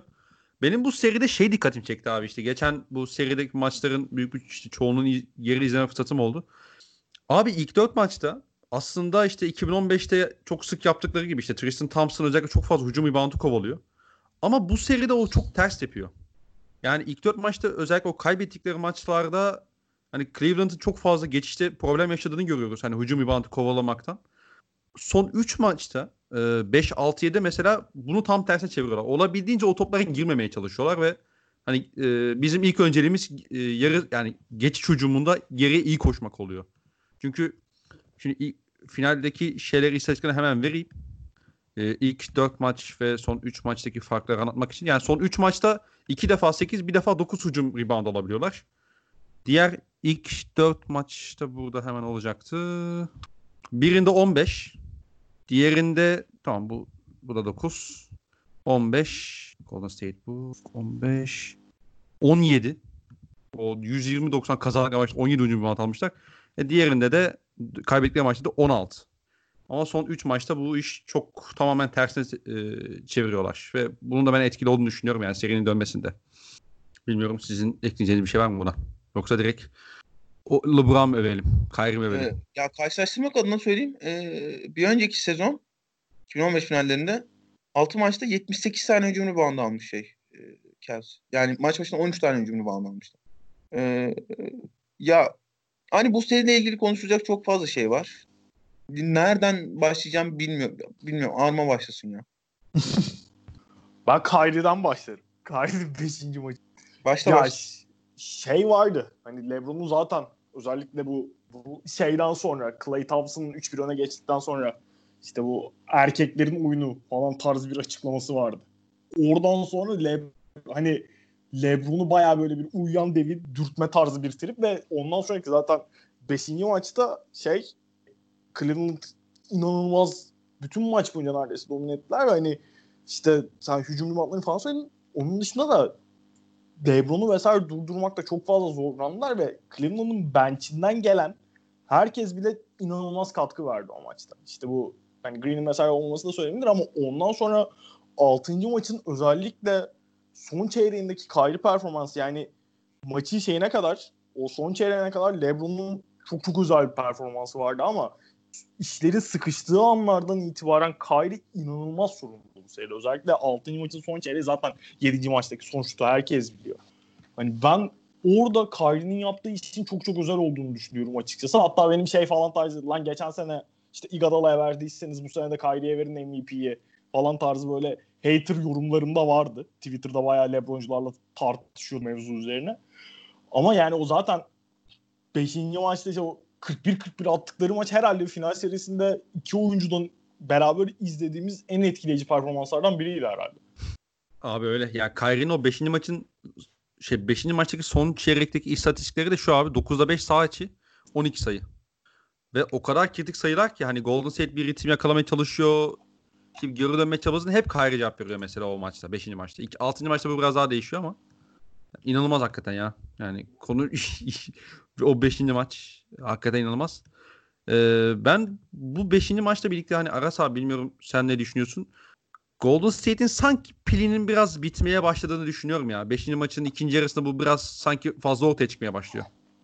Ya pil bitmesi de olabilir. Hani e, Curry'nin sakatlığı da sakatlığı da çok konuşuluyordu bu noktada ama e, ya Curry'nin de hani arma kızacak belki bana ama mental olarak dünyanın en stabil oyuncusu olmadığını da söylemek lazım. Özellikle e, o şeyin e, Cleveland'ın Curry'i fiziksel olarak yıpratma çabasının 5. maçtan itibaren Raymond Green olmadığı maçtan itibaren çok fazla işlediğini görmeye başlıyoruz. Bu bunların yani bunu yapma yolu olarak hem Kyrie'nin hem LeBron'un switch üstünden Curry'i birebir de çok fazla zorladığını. Kyrie, hem Kyrie hem J.R. Smith bu arada e, gayet iyi şeyler e, perdeciler ve o şeylere karşılık, switchlere karşılık e, çok fazla karşılık verememesinin sebeplerinden biri de o Golden State Warriors'ın ki arada bir işte pre-switch denilen o e, Curry daha tepeye çıkmadan önce önden switchleme işini falan da yapmaya başlıyorlar yavaş yavaş. Hani LeBron'la Curry çok fazla birebir kalmasın diye. Onun temel sebeplerinden biri de şey e, Curry'i yani zaten hani LeBron'un karşısında durmasına imkan yok da fiziksel olarak da çok e, Curry'i işte J.R. Smith'in üstünde saklamaya çalışıyorlar mümkün olduğu kadar. Aynı J.R. Smith'in de mesela işte dedim ya maça açık diye. Az önce e, low post'ta Curry'i buldu diye birebir oynadı mesela Curry'ye. Top kaybetti gerçi ama yani hani tarihin en J.R. Smith sekansı. Bunların her birinin Curry'i fiziksel olarak ne kadar yıprattı malum abi de yani Steve Kerr'ün Şirinler Köyü Başkanı gibi Ama ona gelecektim ya. davranma şey yani. Hani şu maçta mesela Sıçadı. hangi maç bu? Pardon bir dakika. Abi 5. maçta 6. maçta falan şey James McAdoo'yu falan oynatıyor ya bu seride. Bayağı evet yani James yani. sıç- ben şu anda şeyi açtım mesela. Ee, kaç bu? Altıncı maç bu. Ki çok da erken kopmamıştı bu maç yanlış hatırlamıyorsam.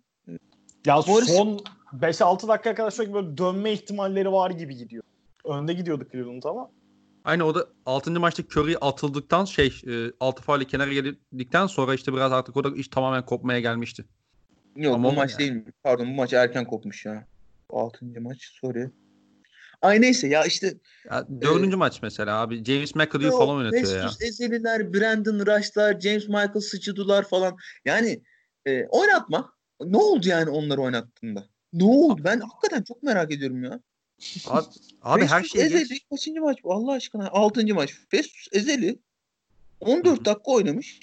Eksi 17 yazmış tabelaya. Abi 14 her şey dakika geç. oynamış. Eksi 17 yazmış. Neden oynamış abi 14 dakika? Abi her şey geç. 7. maçta son çeyrekti. Çok kritik yer.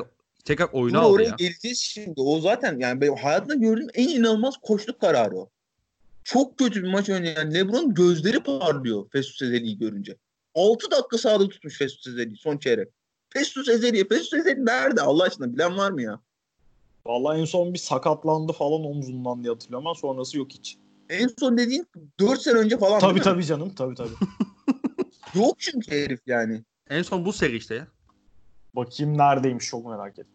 Merak ettin mi harbiden? Vallahi ettim. Bu Allah aşkına bak kaçıncı maç bu? Beşinci maç. James Michael McAdoo 7 dakika sahada kalmış. Eksi 10 yazmış. Yedi evet dakika sahada kaldı, son 2017'de yaptı. bırakmış abi.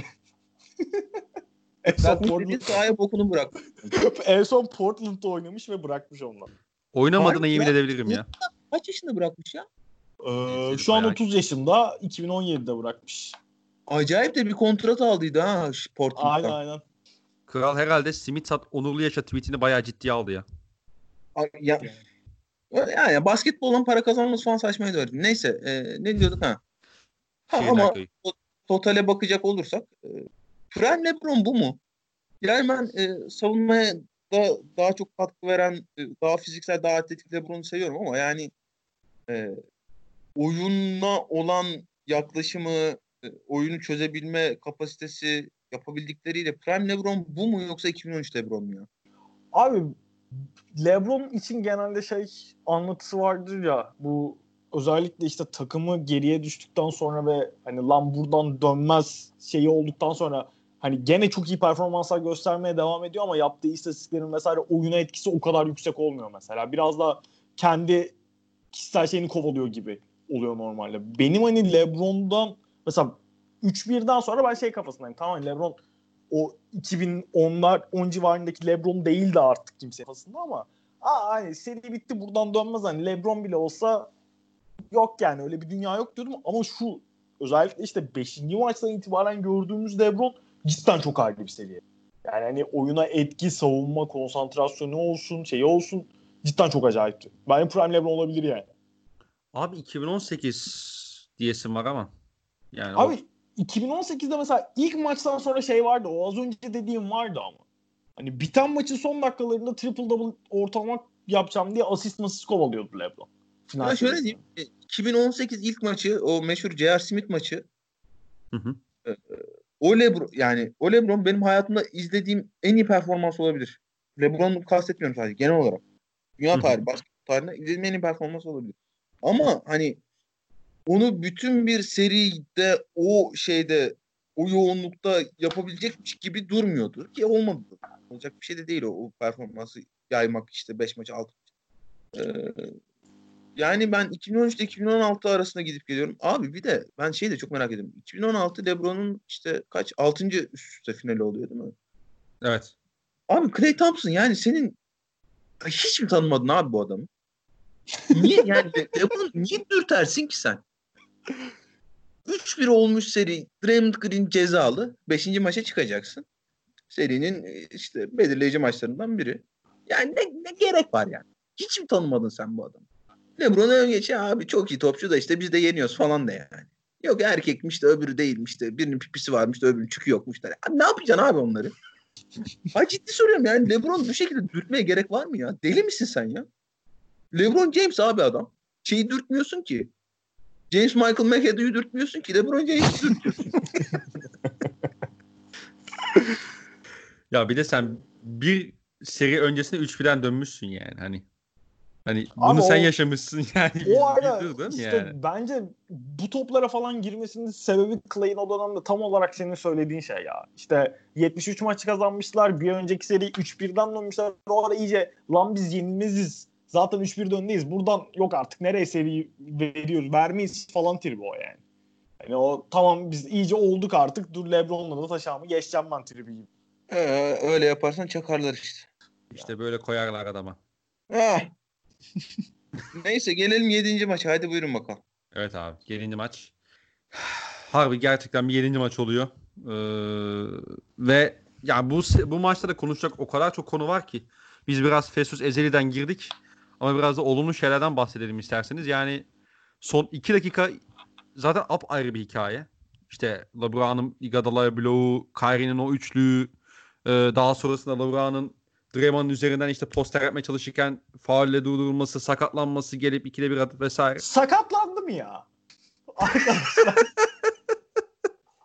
Niye oğlum? Allah Allah. O, Yani- Onu de onu yapsın artık ya.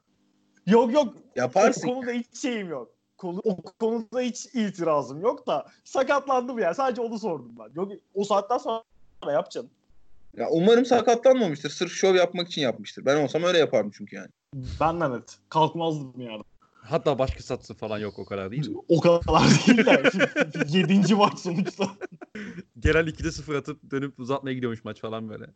Ee, Abi burada e, Armacım az önce sen işte Curry'nin underrated 5. maçından bahsettin. Biraz da bu 7. maçtan bahsedelim ya. Ne dersin? Abi şöyle Aras abi az önce biraz şey söyledi zaten. Hani mental olarak da Curry'nin çok stabil bir adam olmadığını o şeyden itibaren işte bu LeBron bunu blokladı vesaire böyle bir atışlar ettiler işte 6. maç. sonra sonra dişlik fırlatma muhabbetleri falan. Oradan zaten Curry'nin şey yani mental anlamda zaten fiziksel olarak işte sakatlık muhabbetleri vesaire vardı ama mental anlamda da şirazesinin kaymaya başladığını görüyorum. Mesela 7. maçın konuş diğer pozisyonlar kadar olmasa da sonuçta hani bahsedeceğim pozisyon basit bir top kaybı ama o şey vardı maçın son anlarında Curry'nin bir bel, bel arkası pas deneyip saçma sapan yaptığı bir top kaybı vardı hatırlıyor musunuz onu? Evet. Evet. Onlar yani bu hani mesela tam Curry'nin oyun tarzı bu tarz işte daha şaşalı diyebileceğimiz daha yeteneğe daha dayalı hareketleri çok fazla yapıyor Curry ve genelde bunları yapabiliyor ama hani normalde bak Curry standartlarında ve hani mental olarak düzgün bir anında Curry'nin o, o maçın o anında bu kadar şeyin hani ortada olduğu bir anda öyle bir pas denemesi mesela çok saçma yani. Ya, O toplara falan normalde normal bir mental şeyle gireceğini düşünmüyorum. O hani zaten bu maçta ilk yarıda özellikle Draymond Green'in saçma sapan şut performansı olmasa belki hiç hiç oraya bile gitmeyecekti ama hani maçın zaten genelinde şut performansı olarak iki takımın da çok etkileyici bir performans yoktu ama işte şey olsun işte Curry olsun, Clay olsun bunun dışında zaten benim bu seriyi konuşurken aklıma Harrison Barnes'ın sürekli Cleveland bench'in önünden kaçırdığı boş üçlükler geliyor istikrarlı olarak. Direkt canlanıyor benim gözümde. Ve hani zaten çok iyi bir durumda değillerdi. Draymond Green hani finaller tarihine geçebilecek bir performans gösteriyordu bu maç üzerinde. Neredeyse 7. maç üzerinde çok çok özel bir performansı vardı ve hani hem işin savunma tarafında hem hücum tarafında Draymond Green'in yaptıkları olmasa bence iş oraya kalmayabilirdi bile. Ama zaten ondan sonra devamında işte maçın son döneminde o yani bayağı işte LeBron'un bloğuyla başlayan sekansla itibaren bayağı ben hani Hollywood filmi izliyormuş gibi hissettim maçı izlerken de. Zaten işte o Kyrie'nin üçlüğüyle vesaire hani şey Golden State'in biraz o işte Clay'in açıklamaları, Draymond Green'in taşağını tekmelemesi o hani şeyi vardı Golden State'in. Hafif biraz daha şımarıklığı işin içine girmeye başlamıştı. Ben hani onun cezasını ödediklerini düşünüyorum bu maç üzerinde de. Ya abi o Curry'nin pasında da sizin kafanıza direkt şey gelmedi mi ya? Kolpaçino repliği. Hangisi lan? Ulan Hangi olayın ciddiyetini kavra. E, Tam olarak o replik ya zaten-. Ee, bu Golden State yani 2015-2016 Golden State Warriors ya işte 73 maç kazanıyorlar tamam bilmem ne de.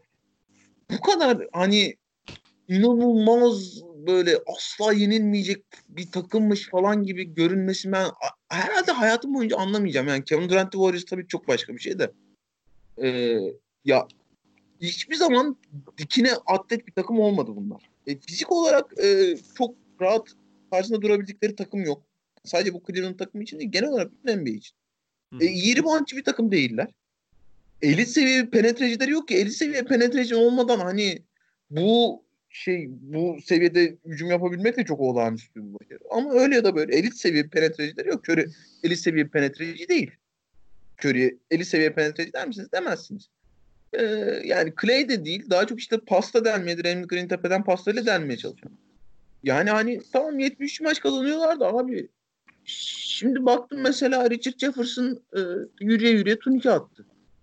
Olağanüstü bir savunma takımı oldukları dönemler oluyor. Özellikle işte e, hem 2015 için geçer bu hem 2016 için geçer. İşte Iguodala, Sean Livingston, Draymond Green üçlüsünün beraber kalabildikleri sahada, Klay Thompson'la birlikte beraber kalabildikleri sahada dönemler.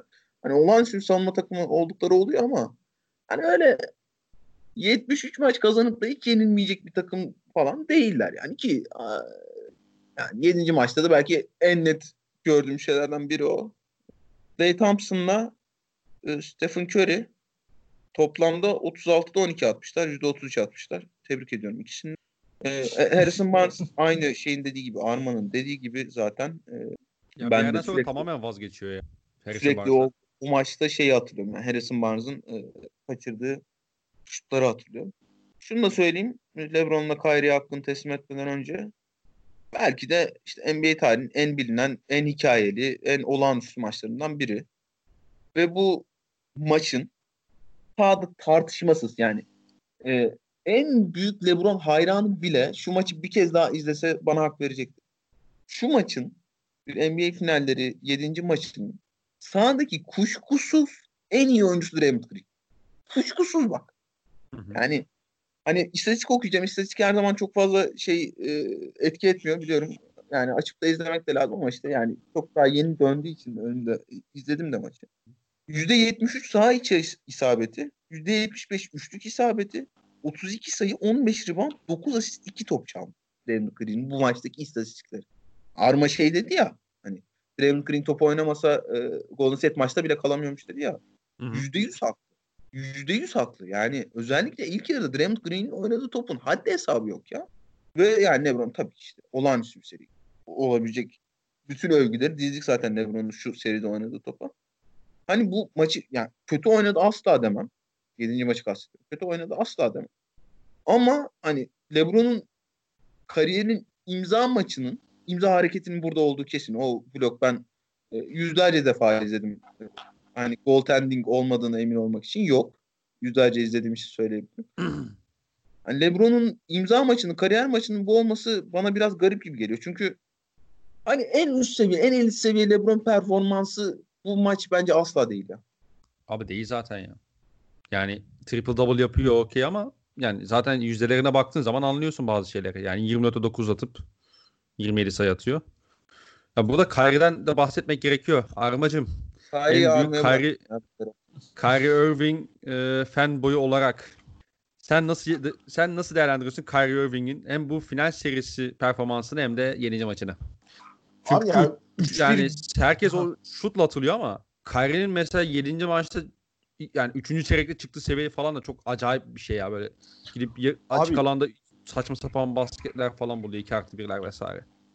Ya şeyden sonra 3-1 geriye düştükten sonra bu maçların zaten LeBron'un yanında oynayan bir oyuncunun şey yapması işte böyle alıp maçın kontrolünü alıp takımı sürüklemesi falan da olacak iş değil ama özellikle bu Le, LeBron'un kariyerinin bu dönemindeki LeBron'un yanında olabilecek en iyi tamamlayıcı ve hani şey olarak dönem dönem işte bu bir maçın dördüncü çeyreği, bir maçın üçüncü çeyreği, maçın kırık daha sıkıştığı ister istemez playoff ortamında bir yerden sonra özellikle maçların sonlarında izolasyona kalıyor. Hani Kyrie'nin işte bu maçın sonunda yaptığı işler falan cidden çok çok acayip. Zaten o soktuğu son şut yani şey olarak o adımlama fundamental olsun, vücut dengesini korumak vesaire olsun şutu öyle bir anda çıkarmak çok çok zor bir iş. Ben çok bahsetmedik ki hani Kyrie'ye Kyrie'nin hakkını vermek lazım zaten de. Çok bahsetmedik ki serinin genelinde çok fazla eleştiriliyordu.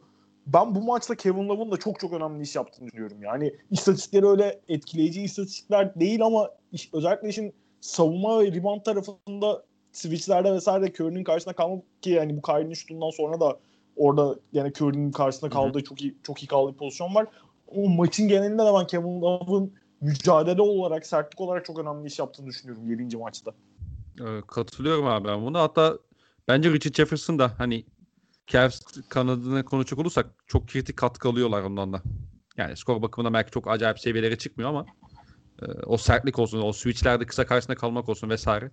Ondan da iyi katkı alıyorlar. Ya abi şimdi az önce zaten bahsettik de ya Steve Kerr hocam ya, ya ya şey artık maçın son çeyreğinde de şeyle kalmazsın sağda. Festus Ezeli ile falan kalmazsın sağda ya. Bir de hani şey var ya bu işte Kyrie'nin o üçlü. Ondan önce şey mola alıyor. Tranlu. Yani bir önceki pozisyonda ben maçı işte geçen tekrar izliyorum. Ya iki takımın da aslında hücum ederken bir molaya ihtiyacı olduğunu görüyorsun abi. Çünkü bir çok dağınıklar, bir yıpranma var. E, mesela onu o molayı almıyor şey. Steve Kerr hatta Kyrie'nin üçünden sonra da almıyor. Ee, mesela ben onun da hata olduğunu düşünüyorum. Yani orada bir mola alıp bir e, takımı belki bir nefeslendirebilirdi. O da belki işte bir hani set üzerinden bir skora gitmeyi düşünebilirdi ama e, orada da hata yaptığını düşünüyorum. Onu yapmadı. Dönüşünde Trabzon'u yapıp işte birebir üzerinden Kyrie'nin üçlü geldi. E, yani. Ya şunu söyleyeyim bak. E, benim bir NBA takımım olsa böyle 5 senelik proje için takıma Steve Kerr'ün körü getirmek isterim.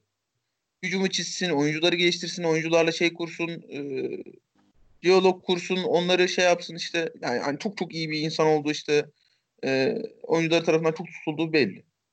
E, 2015 itibariyle Warriors'a yaşattığı dönüşümün NBA'yi çok bence pozitif etkiledi, etkilediği belli. Çünkü yani daha 2012 konuşurken bahsettim biraz hani oyunun her tarafını tehdit haline getirme işini belki ilk kez elit seviyede yapan takım Golden State Warriors oldu 2015'te ki onu bayağı bir takım takip etti. Özellikle o tepeye Draymond Green'i çıkarıp e, Forvet'te Klay Thompson ve Stephen Curry'nin üstünden pit katlardan bulduğu şutlar ve işte öbür tarafa da daha sonra Kevin Durant koyacağı şekilde e, Harrison Barnes'ı bir tehdit olarak e, koyması ve işte oyunun hani üçe bölecek olursak basketbol sahasını üç tarafında e, tehdit haline dönüştürmesi e, o belki penetreci eksikliğini kapatmak için çok pasör bir takım kurması bilmem ne bilmem ne. Bir takım kurmak için 5 senelik bir şey yapmak için proje yapmak için ben Steve Curry takımında görmek isterim.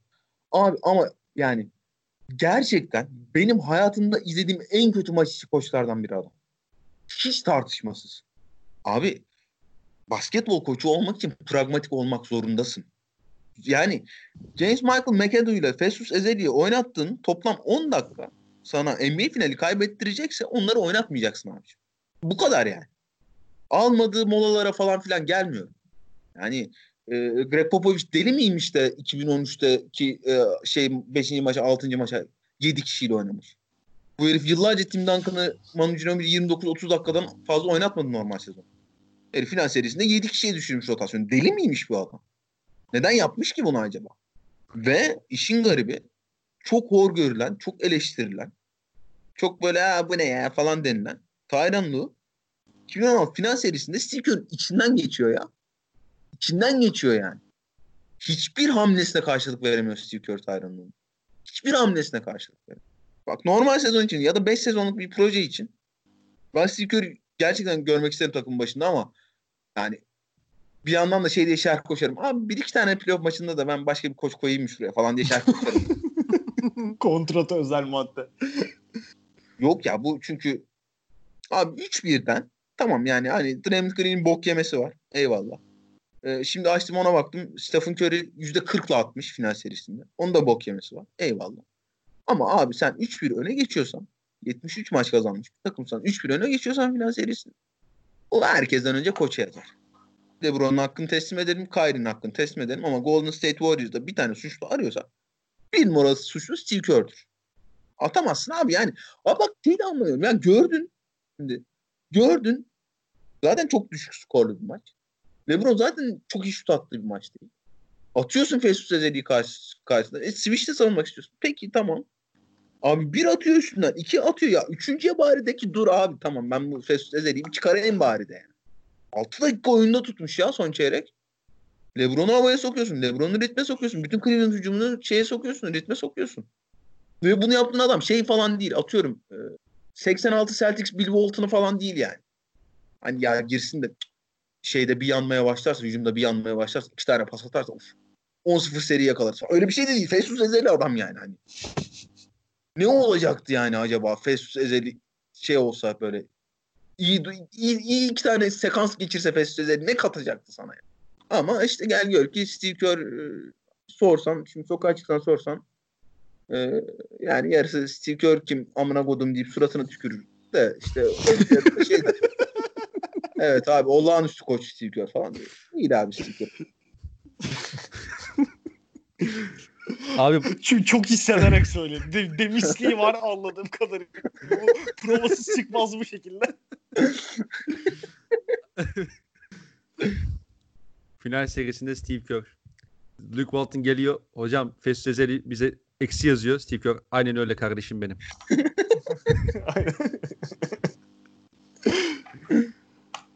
ee, evet abi. Bir saat 45 dakikaya geldik aşağı yukarı. 6 yani 2016'da bitirdik. 5 finalimizi konuştuk doya doya. Sizin ekleyeceğiniz bir şey var mı? Ee, maçlara, finallere veya da genel hayata dair. Ee, yok canım çok teşekkür ediyorum. Ben çok keyif aldım. Umarım siz de keyif almışsınızdır. Ne demek ne demek. Daha sık e, seni görmek istiyoruz. Arma'yı da çok yaptık zaten. Yani Arma'yla bundan sonra Ben yapmaz- gelmeyeceğim kanka. Bu bitti de mi seri? Bitti demediniz mi lan deyip bitti demediniz mi? Ben Yok bir süre seninle sadece podcastlerde değil normal günlük hayatta da konuşmamayı. Kanka Zaten yani, bu- bu- bugün bir salak yapmaya çalıştım fark ettiysen ama evet. tutmadı. Ama yemedik yani. Ya kardeşim içten içe gelmek istiyorsun. Yani ondan sonra milletin ortasında artistik yapıyorsun ama neyse tamam. Cahilliğine veriyoruz. Cahilliğine veriyoruz. Bir şey demek istemiyorum şimdi. Burada seni insanların içine rencide etmeyelim. teşekkürler. Rica ederim. Neyse bir sonraki yayında görüşürüz Armacım. Görüşürüz. ee, abiler ağzına sağlık. Dinleyen Senin de ağzına sağlık canım. Öpüyorum. Öpüyorum abi. Ee, dinleyen herkese teşekkür ederiz. Hoşçakalın. Hoşçakalın. Hoşçakalın.